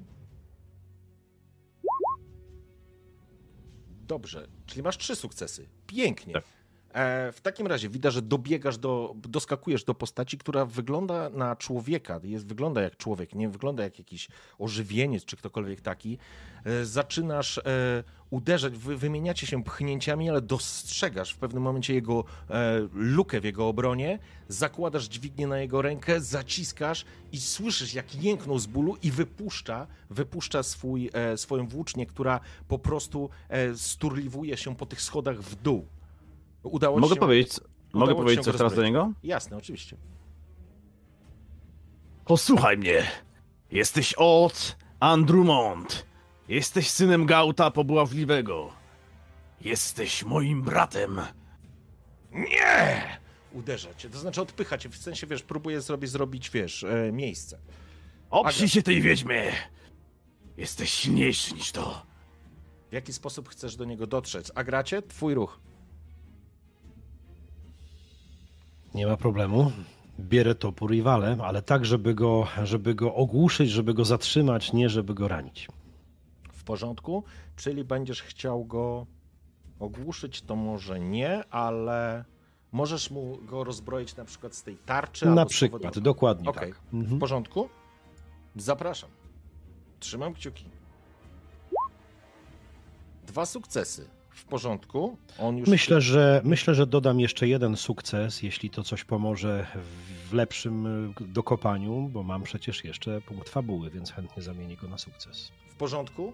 Ze, ściągnij proszę y, poziom suk, y, no, podbierz sobie efekt sukcesem e, i teraz teraz mamy sytuację taką. Uderzasz, podbiegasz tak naprawdę Agracie, widząc dźwignię, którą założył przed chwilą e, Jan i Jan, przepraszam, sorry, ten Jan, zaraz do ciebie Janek wrócę, trzymaj się tam jeszcze przez chwilę, e, filtrami się nie baw.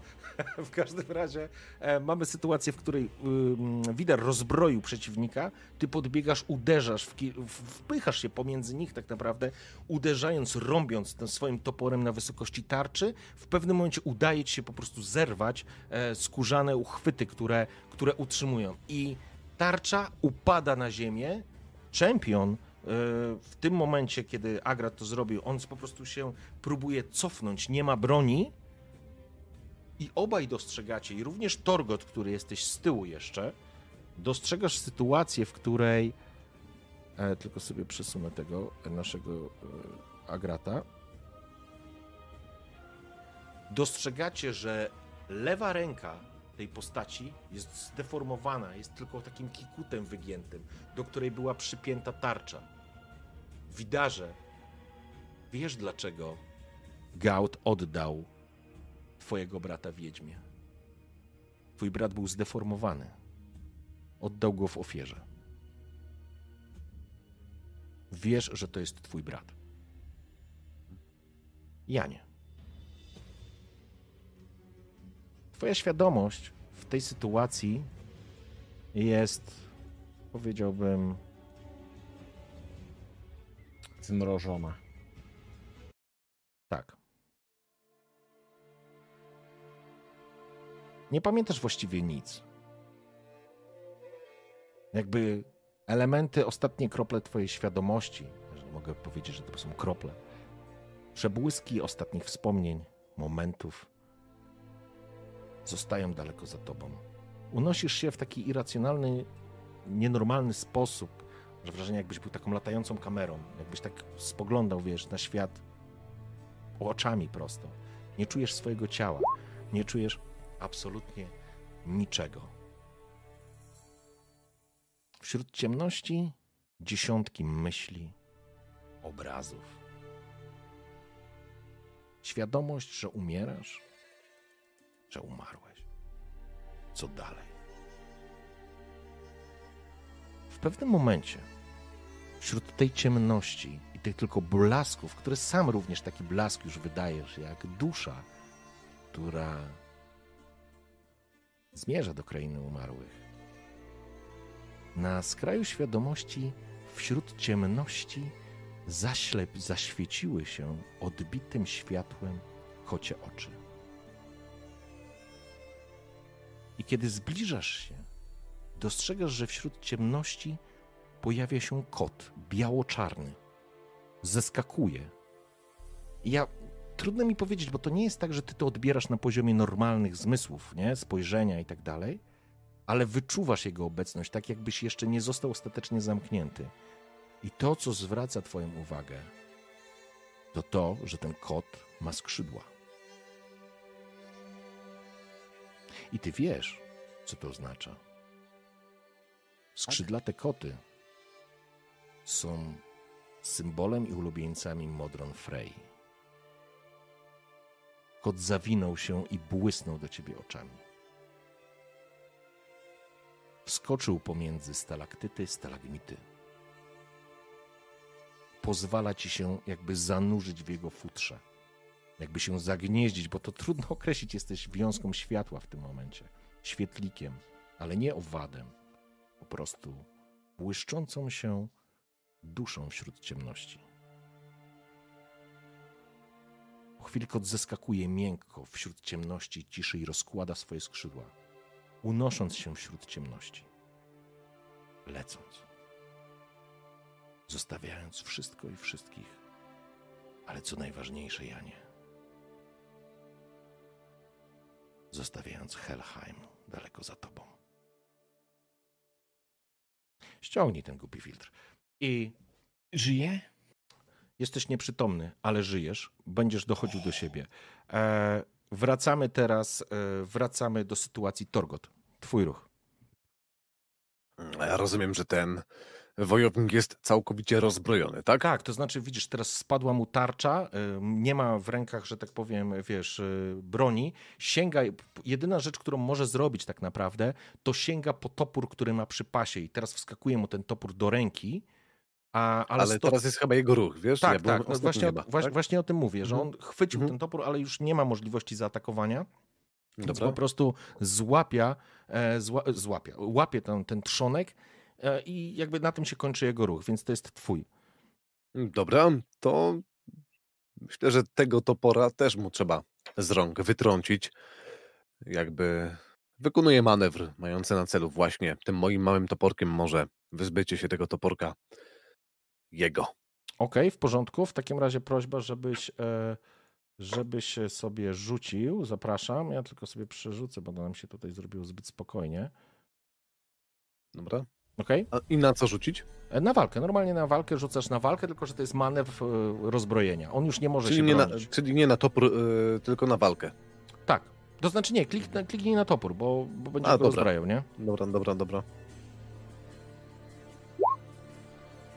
E, Poczekaj, bo muszę chyba się coś Dobra, przypomniało. mam dwa, Dwa sukcesy, porządku. E, Torgot doskakuje, słuchajcie, e, do, wasz, do was e, w tej sytuacji, kiedy się, że tak powiem, tam trwa walka. E, mężczyzna się cofnął, dobywając topora. Doskakuje Torgot, uderzając go dwukrotnie, mocno, trzonkiem topora, płazem na wysokość ramienia, na wysokość ręki tej, w której trzyma. Mężczyzna próbował się cofnąć, ale po uderzeniach tępym końcem sikiery topora on po prostu wypuszcza to i e, Torgot kopiesz, po prostu odkopujesz tą broń. Mężczyzna się trzyma, trzyma, dociska tą ranną w jakiś sposób rękę i się po prostu cofa od was. Jest bezbronny, on nie ma w tym momencie żadnej broni i robi kroki do tyłu.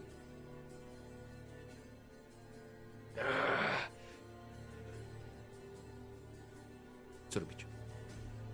Widar, twój ruch. Jeszcze jesteśmy w walce, czy już poza walką? Nie, no teoretycznie wiesz, on się cofa. Pytanie, co wy chcecie zrobić? Jeżeli będziecie go atakować, to będziecie w walce.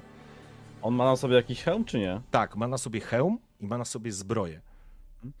Także Widar, y, c- chowając ten żelazny miecz, mając tylko ten drugi z, z, z tym y, materiałem ziemi, podchodzi tylko do, tego, do niego i łapie go za ten hełm i mu go po prostu ściąga i opanuj się, spójrz na mnie, spójrz na swojego brata, Odzie Andimun. Andimun, y, Nie Anidi, nie Odziej, nie Andimun. Orn. On miał na imię Orn. Ornie An... Dim, e, Andrumont. Drummond. Drummond, Drummond. E, pytanie jest tylko takie, e, to znaczy, czy coś robi... jest konkretne pytanie, czy coś jeszcze oprócz poza tym robisz? Nie, chyba nie. Okej, w porządku. Co się wydarzyło? Mężczyzna, jakby wychodzimy teraz z, z funkcji walki, on po, z, z procesu walki, on po prostu odpycha cię, rzuca się na ciebie z gołymi pięściami. Nie jest to dla ciebie w tym momencie żaden przeciwnik. Przeskoczymy to, bo tutaj jakby on nie ma szans z wami, on was nie pokona. Rozumiem, że Widar nie chcesz go zabić, nie wykorzystujesz pewnej, pewnego elementu, który mógłby zadziałać, żeby... Czy mogę ewentualnie, że widzę, że A- na niego to nie działa i on właśnie Ale- świruje, Tak, tylko to że chciałbym... jesteś w stanie go po prostu ogłuszyć i go wy, wy, wyłączyć z walki. Jesteś w stanie, jest was, jesteście w trójkę, no bo Jan tak naprawdę w tym momencie telepie się i e, dochodzi powoli do siebie, ale to na poziomie, na poziomie y, jednego punktu życia. Jesteście w stanie go po prostu Czyli powalić. mam jeden nie? punkt? Tak, możesz przyjąć, że masz jeden pu- punkt. Powalacie go tak naprawdę, bo on nie ma już się czym bronić. Jest dużym wojownikiem, ale was jest trójka. I on nie ma broni. Czyli nie ma broni, ale cały czas się rzuca. Tak, zdecydowanie. Jan, widząc tą sytuację, tak tylko okiem, okiem patrzy, ciągle jest taki ledwo przytomny, nic nie może powiedzieć, ale w, w głowie myśli sobie, widząc jak powalają tego wojownika, tak jak ich uczyłem, tak jak ich uczyłem. I dalej dochodzi do siebie powoli. Chciałbym wyskoczyć z walki. Mężczyzna jest powalony. Wygląda jak. To znaczy, wszystko wskazuje na to, że to faktycznie może być twój brat, ale on nie uwierzył, że jesteś jego bratem.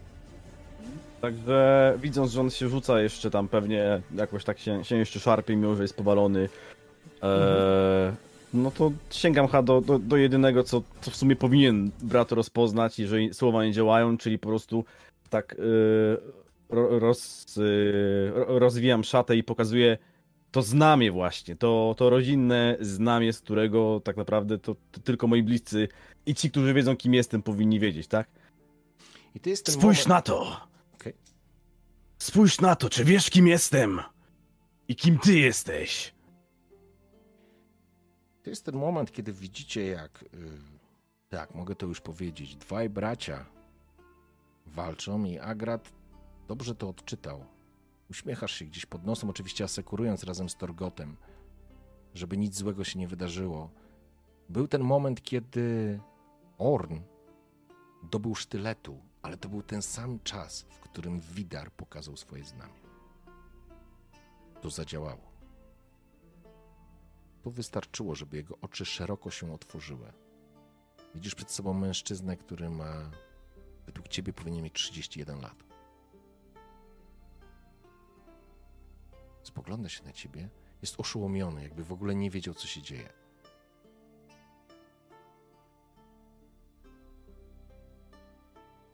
Byliśmy po ciebie, Ornie. Gwar, to niemożliwe.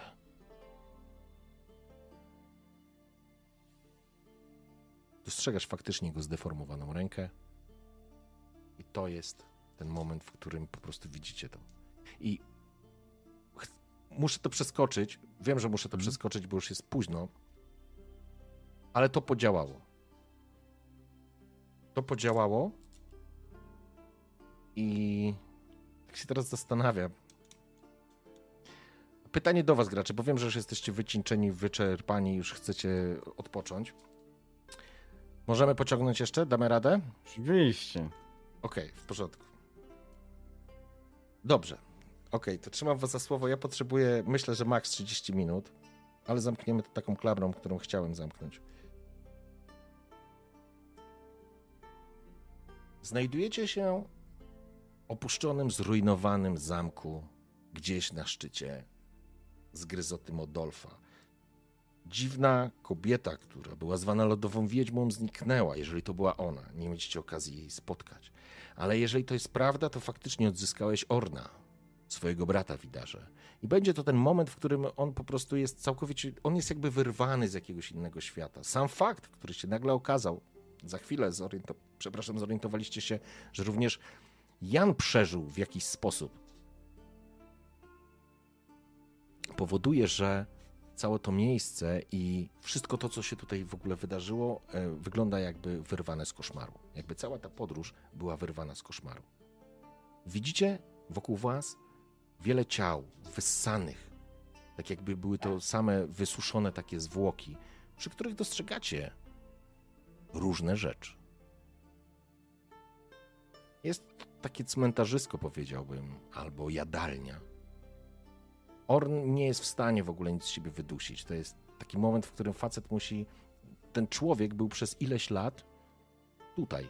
Był faktycznie czempionem wiedźmy. Być może ci, którzy tutaj leżą, wielu z nich padło od jego ręki. Może. Może wielu z nich nie przejrzało iluzji. Może dało się pochłonąć.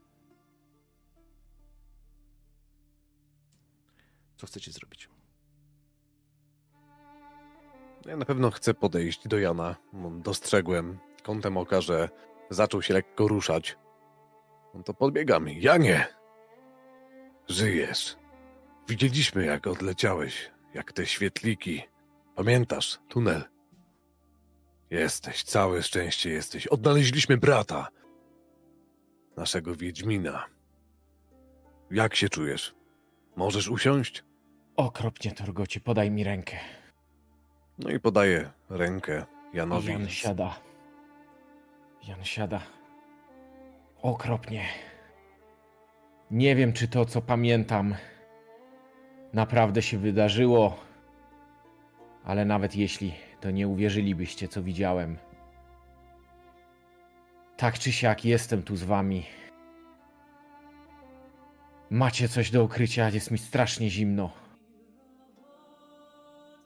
Widar do tej pory trwiąc przy bracie, który jest, jest cichy, bo musi dojść do, do, do siebie i poukładać sobie to, to, to wszystko.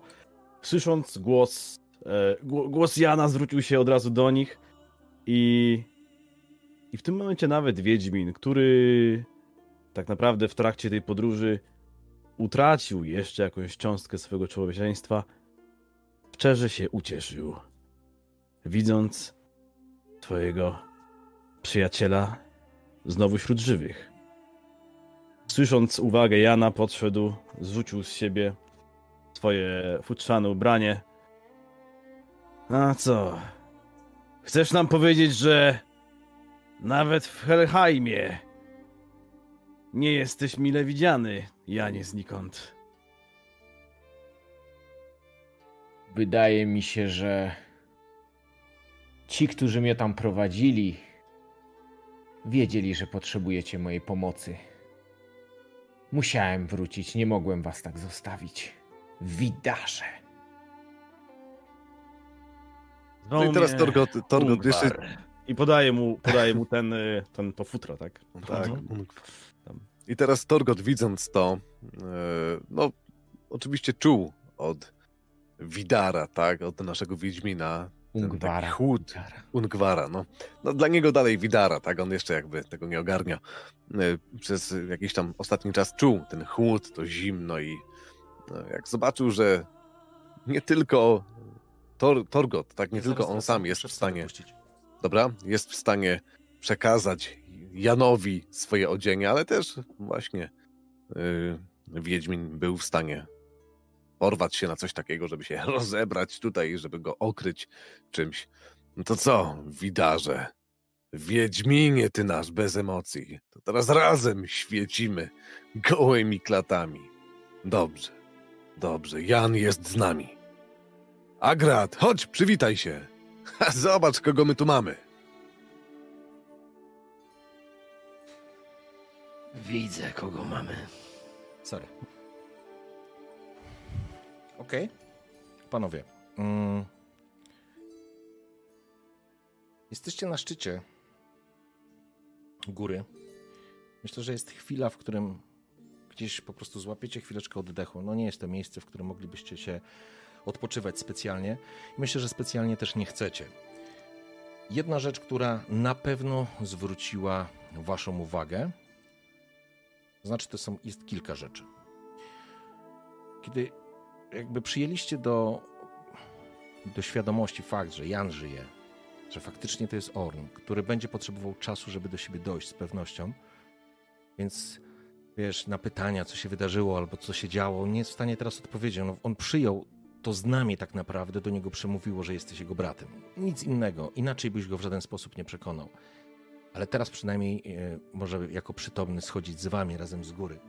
To, co zauważyliście, a właściwie rzućcie sobie na, na spostrzegawczość.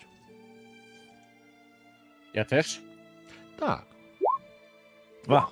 Pięknie. A ja mam dalej ten stres, nie? Nie, stres już, wy... nie masz już stresu. Nie, nie, już... O, dobra. A Może wszyscy nie mamy stresu. Nie, to- nie, nie, macie, nie macie już stresu, bo to jakby już się wydarzyło. No, ale każdy ma Śmierć, sukces. śmierć kliniczna mnie uspokoiła. Ale te, te, te dwa robale, co ci wyskoczyły teraz, to aż mnie przeraziło.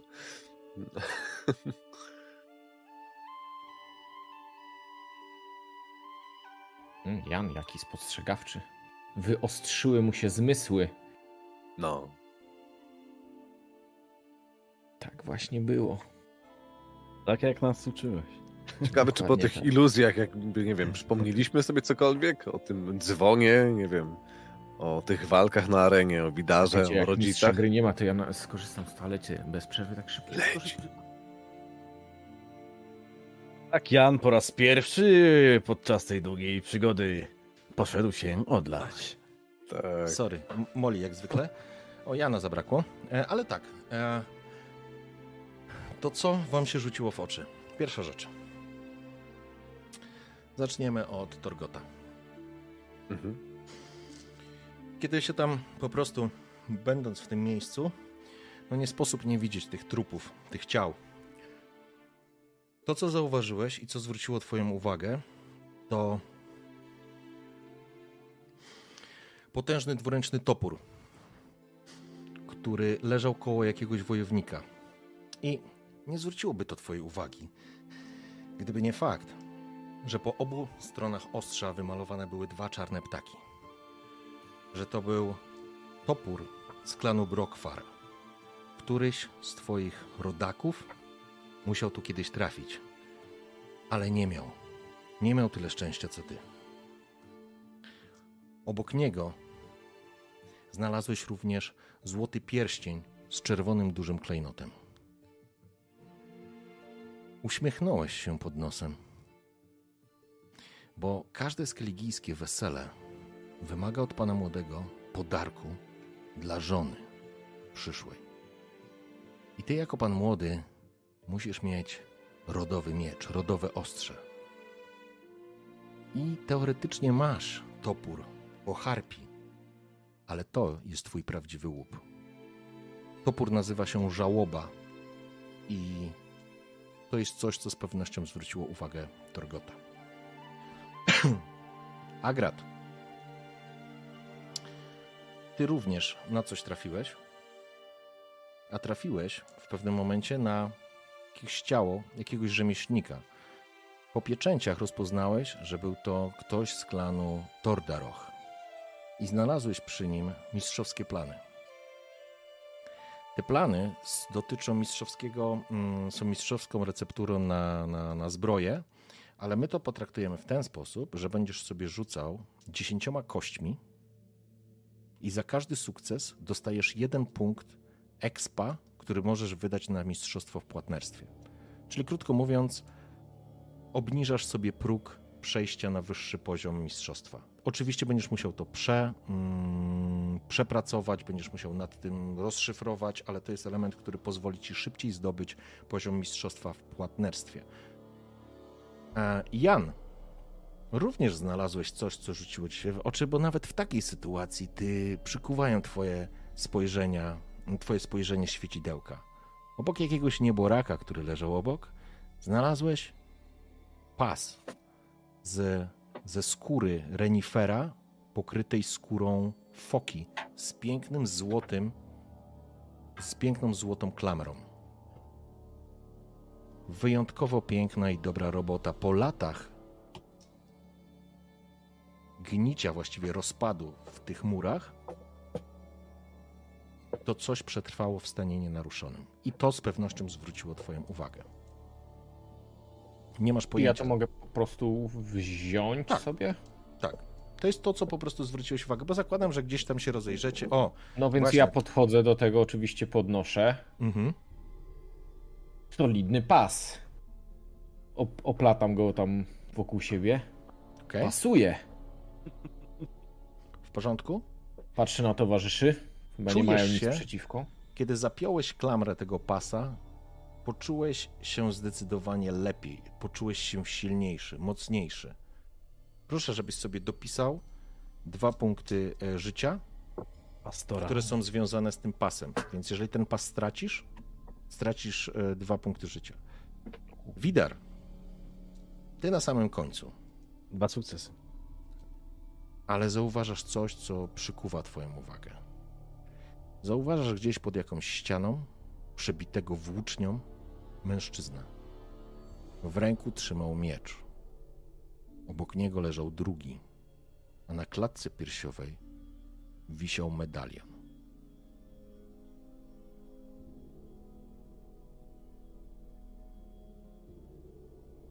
Niemożliwe. Podchodzę do zwłok. Nachylam się, przyglądam się na przemian mieczom i medalionowi. Czy rozpoznaję wizerunek medalionie? Tak, Co głowa przypomina? niedźwiedzia.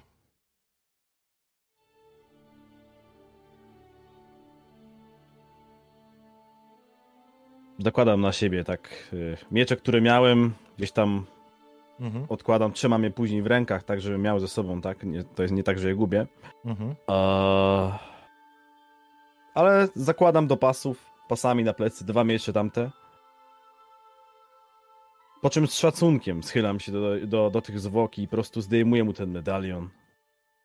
Patrząc na jego. Dziękuję. I zakładam go na siebie. Okej. Przy zwłokach Wiedźmina, bo z pewnością był to Wiedźmin, znalazłeś również zniszczoną część listu, ale część informacji możesz przeczytać. Chcę to przeczytać. Zostawiam ci naprawione ostrze u naszego starego drucha Wilhelma Bladego w Kertrolde. Nadal nie rozumiem, co ty widzisz w tych paniczkowatych mieczach, ale niech ci służy. Zanim zejdziesz ze szlaku, weź od niego ten najprzedniejszy z miodów i przezimujemy w starej gawrze. Belfin, 1262. Mamy który rok? 70. 8 lat temu. Panowie, ponieważ jest już późno i nie chcę przeciągać, przejdźmy do epilogu. Bo z pewnością odpoczęliście. Z pewnością. To znaczy, odpoczęliście, przepraszam, nikt nie chciał w tej trupiarni tam siedzieć. Więc czym prędzej opuściliście z gryzotem Odolfa i podobnie jak wcześniej Abi, nie macie pojęcia, czy to było wczoraj, czy to było miesiąc temu. Macie wrażenie, że jest zimniej, że jest więcej śniegu. Trafiliście do, na, ten, na tą windę, nazwijmy to w ten sposób, i opuszczeni na łańcuchu z tym takim terkotaniem, opuszczaliście się coraz, coraz bardziej na dół, coraz bardziej na dół. W pewnym momencie doszliście do miejsca, które ewidentnie zaczęliście już rozpoznawać i poruszać się w odpowiednim kierunku. Podróż ze zgryzoty Modolfa z powrotem w kierunku wybrzeża, tak żeby trafić do Choda razem z em, Ornem, zajęła wam pewnie około tygodnia. Jednak w końcu wam się to udało. I teraz jedna rzecz. Czekajcie, sekunda.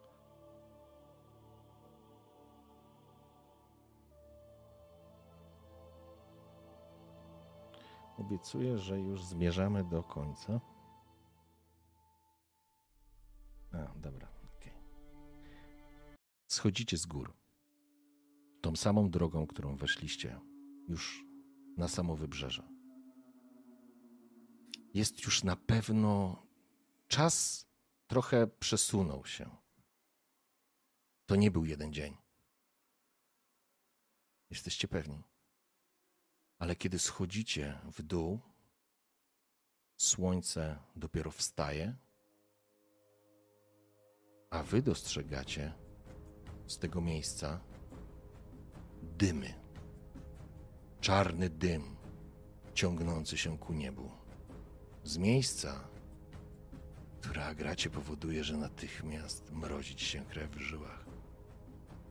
Kopang. Kopang stoi w ogniu. Nie widzisz oczywiście samej miejscowości. Spoglądacie w dal z pewnego wzniesienia. Wy jesteście w górach, więc macie piękny obraz. I dostrzegacie te, ten dym walący tam. Zastanawiasz się tylko, Agracie, czy twoi towarzysze faktycznie uciekli, czy padli ofiarą? Zaciskasz pięści, bo nie wiesz. I kiedy obracacie się w kierunku Holmstein, dostrzegacie na morzu dziesiątki żagli, drakary płynące w kierunku Holmstein. Na żaglach powiewają symbole Dimun oraz Tordaroch.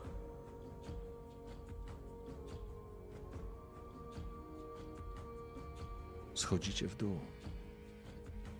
Byleby dochoda. Cokolwiek, trzeba coś przedsięwziąć. Co się wydarzyło? Ile czasu minęło?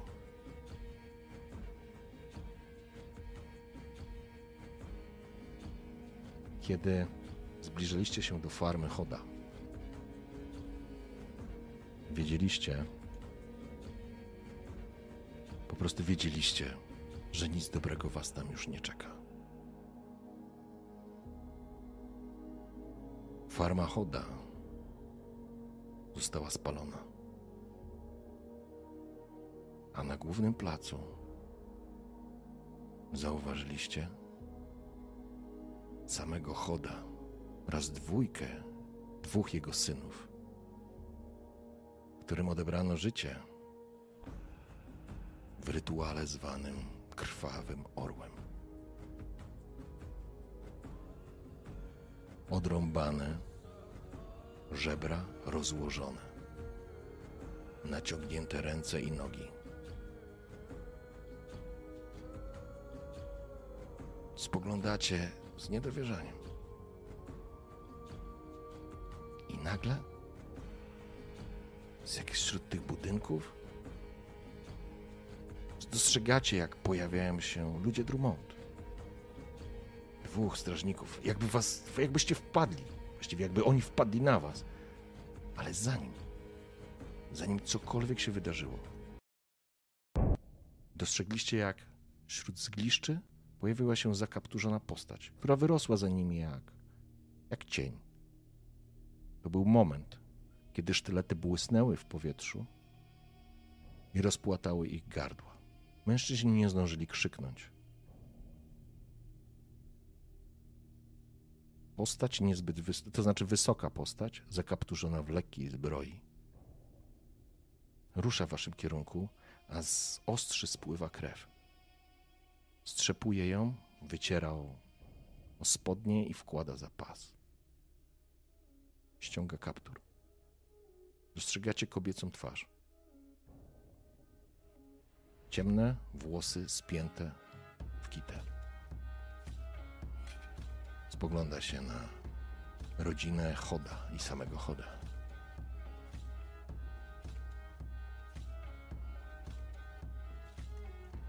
Zapłacił najwyższą cenę. Ale wiedziałem, że mam na was czekać. Nazywam się Cery Sancreid. Musimy stąd uciekać.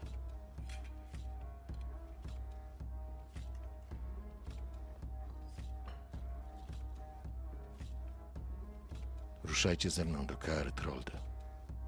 Mój ojciec was wyczekuje.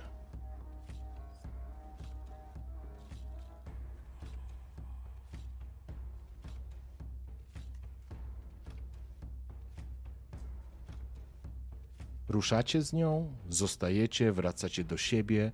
To jest decyzja, którą musicie podjąć teraz. Co ze skarbem Jana? Uuu. Uuu. Teraz na twarzy Jana pojawił się smuteczek. Grałeś teraz na Janie. Panowie, nic tu po nas. Ja bym ruszał. Agrat? Coś się kończy. Coś się zaczyna. Torgot. Nasza przygoda jeszcze się nie skończyła. Nasz cel jeszcze nie został osiągnięty w pełni. Wiele się zmieniło podczas waszej nieobecności. Ale Hod przekazał mi informację. Rozpoczęła się wojna między naszymi klanami. Wojna o całe Skellige. Król Bran został zamordowany. Ruszajmy. A więc do tego doszło, powiedział Widar. Doszło do tego, że dziedzic Drummond będzie się bratał z Ankreid. Możesz tu zostać, jeżeli chcesz. Nie zauważyła, jak Widar uśmiechnął się pod nosem, ale szczerze. A więc ruszajmy. Klepnął swojego brata w plecy. Orn polega absolutnie na tobie. Cały czas jest w momencie, w którym on po prostu musi dojść do siebie. Mhm. I kiedy odbiliście od brzegu południowego no, Art Skellig, zostawiając za sobą swoje rodzinne ziemie, miejsca, w którym tyle rzeczy się wydarzyło, odpływacie stąd, zostawiając martwego Choda, jego rodzinę, martwych przyjaciół być może. Tyle pytań, tyle tak duży brak odpowiedzi. Fale obijają się o łódź. Cerys, Torgot, Widar z pewnością pomagacie w żeglowaniu. Odpływacie z południowej części Artskelik w kierunku jej północnego brzegu. W kierunku ziem Ankreid. Tak. Wojna. To już jest fakt. Czy pochłonie wszystkich? Kogo pochłonie? O tym być może się dowiemy na kolejnej sesji. W kolejnym sezonie. Ale będziemy informować na bieżąco. Chciałbym wam bardzo, ale to bardzo. Pytanie techniczne, czy ja dalej jestem stary? Tak, Kurde, ale o ile lat właściwie? 20. Ty A żywy, mnie- taki, taki akurat już taki, Mnie to w domu nie poznają. taki młoda głowa rodziny. Tak, taki już. Dokładnie. Także dzięki. Panowie, wiem, że jest pierwsza. Wiem, wiem, wiem. Długo to było, ale bardzo mi zależało na tym, żeby to domknąć. Chcę Wam bardzo podziękować za te 10 sesji. Nie wiem, kiedy to minęło, ale, ale myślę, że historia na Skellige zostanie z Wami przynajmniej w takich dobrych, w dobrych wspomnieniach. Jeśli byście pozwolili na trzy minuty dosłownie, to płynąc tym, płynąc tą łodzią, Agrat cały czas coś pisał i pisał i pisał i wtedy zauważyliście, że przez cały czas gdzieś tam towarzyszył mu towarzyszyła mu książka, księga, notes, w którym pisał i pisał, ale tym razem wydarł kartkę i dał ją Widarowi. Widarze, chcę ci to zostawić. Bo jak sam się przekonałeś, wspomnienia czasem uchodzą.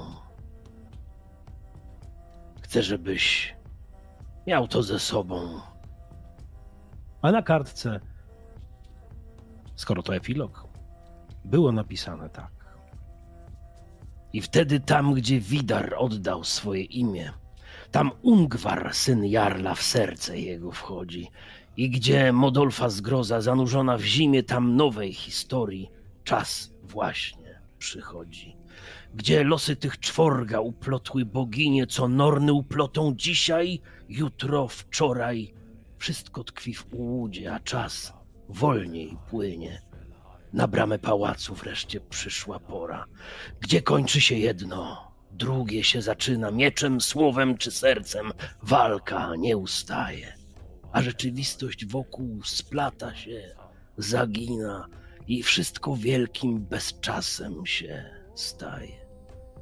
I ze snu się budzi tych czworo tułaczy, wraca kolor wspomnień, tych, co się zgubiły.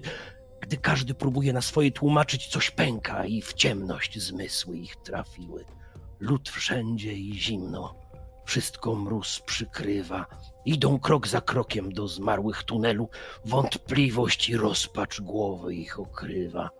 Wracają do światła, by już być u celu. I wtedy wśród kości i ruin pałacu brat brata nie pozna, a miecz się unosi i stoją bez Jana, zmarłego na placu na walkę ostatnią właśnie się zanosi. Ostrze przy ostrzu, ramię przy ramieniu, czy pęknie iluzji obraz wśród ciemności. Miecz pada i tarcza pęka przy rzemieniu, okruchy nadziei topnieją w ciemności.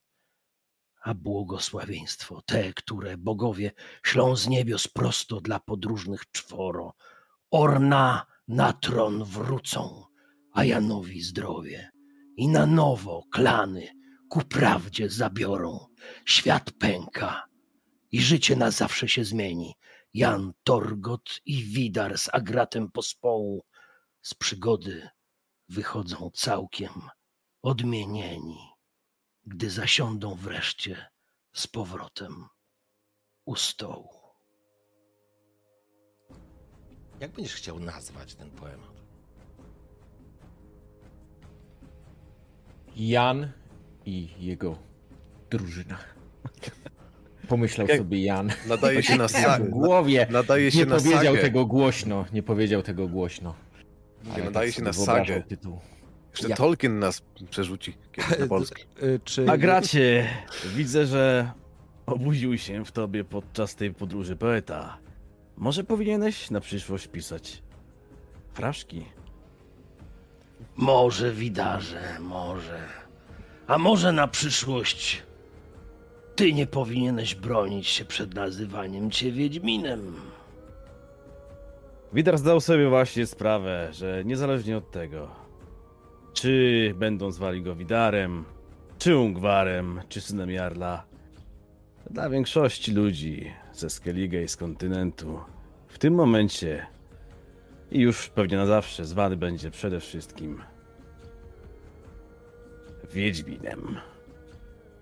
Tutaj tak naprawdę, kiedy panowie sobie rozmawiają, jak odpływamy tym drakarem, Torgot w samotności tym razem, będąc tak naprawdę w swoim żywiole, z Skelligijczykiem, wojownikiem, trzyma w łapach swój wielki dwuręczny topór, o który się opiera i spogląda gdzieś w kierunku Langzel, w kierunku miasta, jego domu, w kierunku jego rodziny, Godmunda, Ingrid, którym obiecał jeszcze niedawno, że tak, wrócę, wrócę, będzie wesele.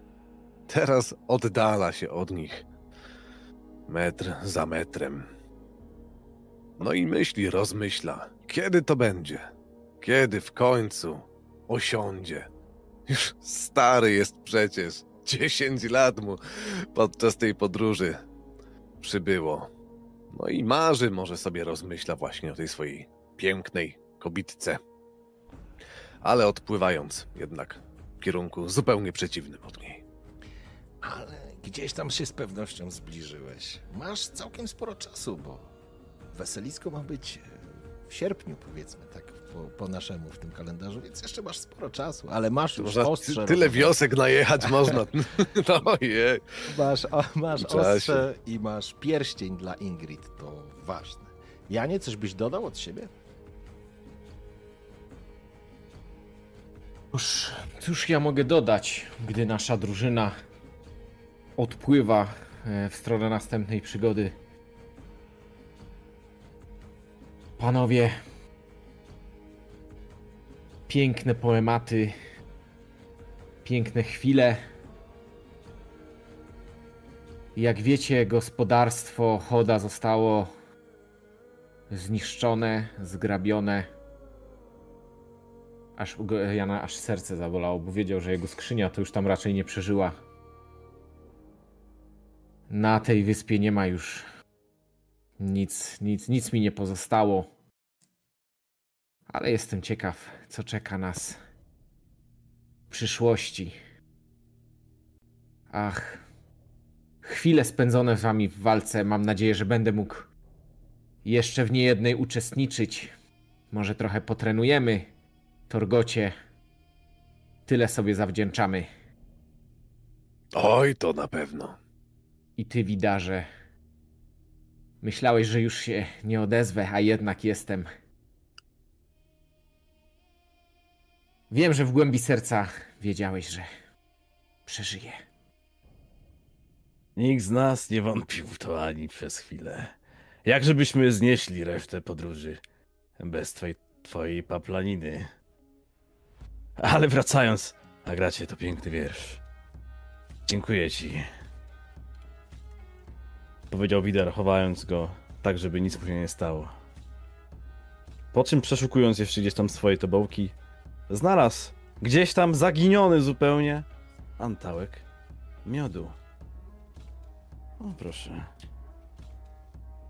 No to, drodzy przyjaciele, za naszą podróż. Skol! Rozdał każdemu i wzniósł toast. Skol za przyjaciół. Skol. Za przygodę. W powietrzu nad wami wysoko krążył sokół. Krzyknął. Głośno, rozdzierająco. Nawet ty, ja nie wiesz, że symbolem Frey nie tylko są koty, ale podobno Modron Freya przemierza ten świat pod postacią sokoła. Dziękuję pięknie. Naprawdę dzięki.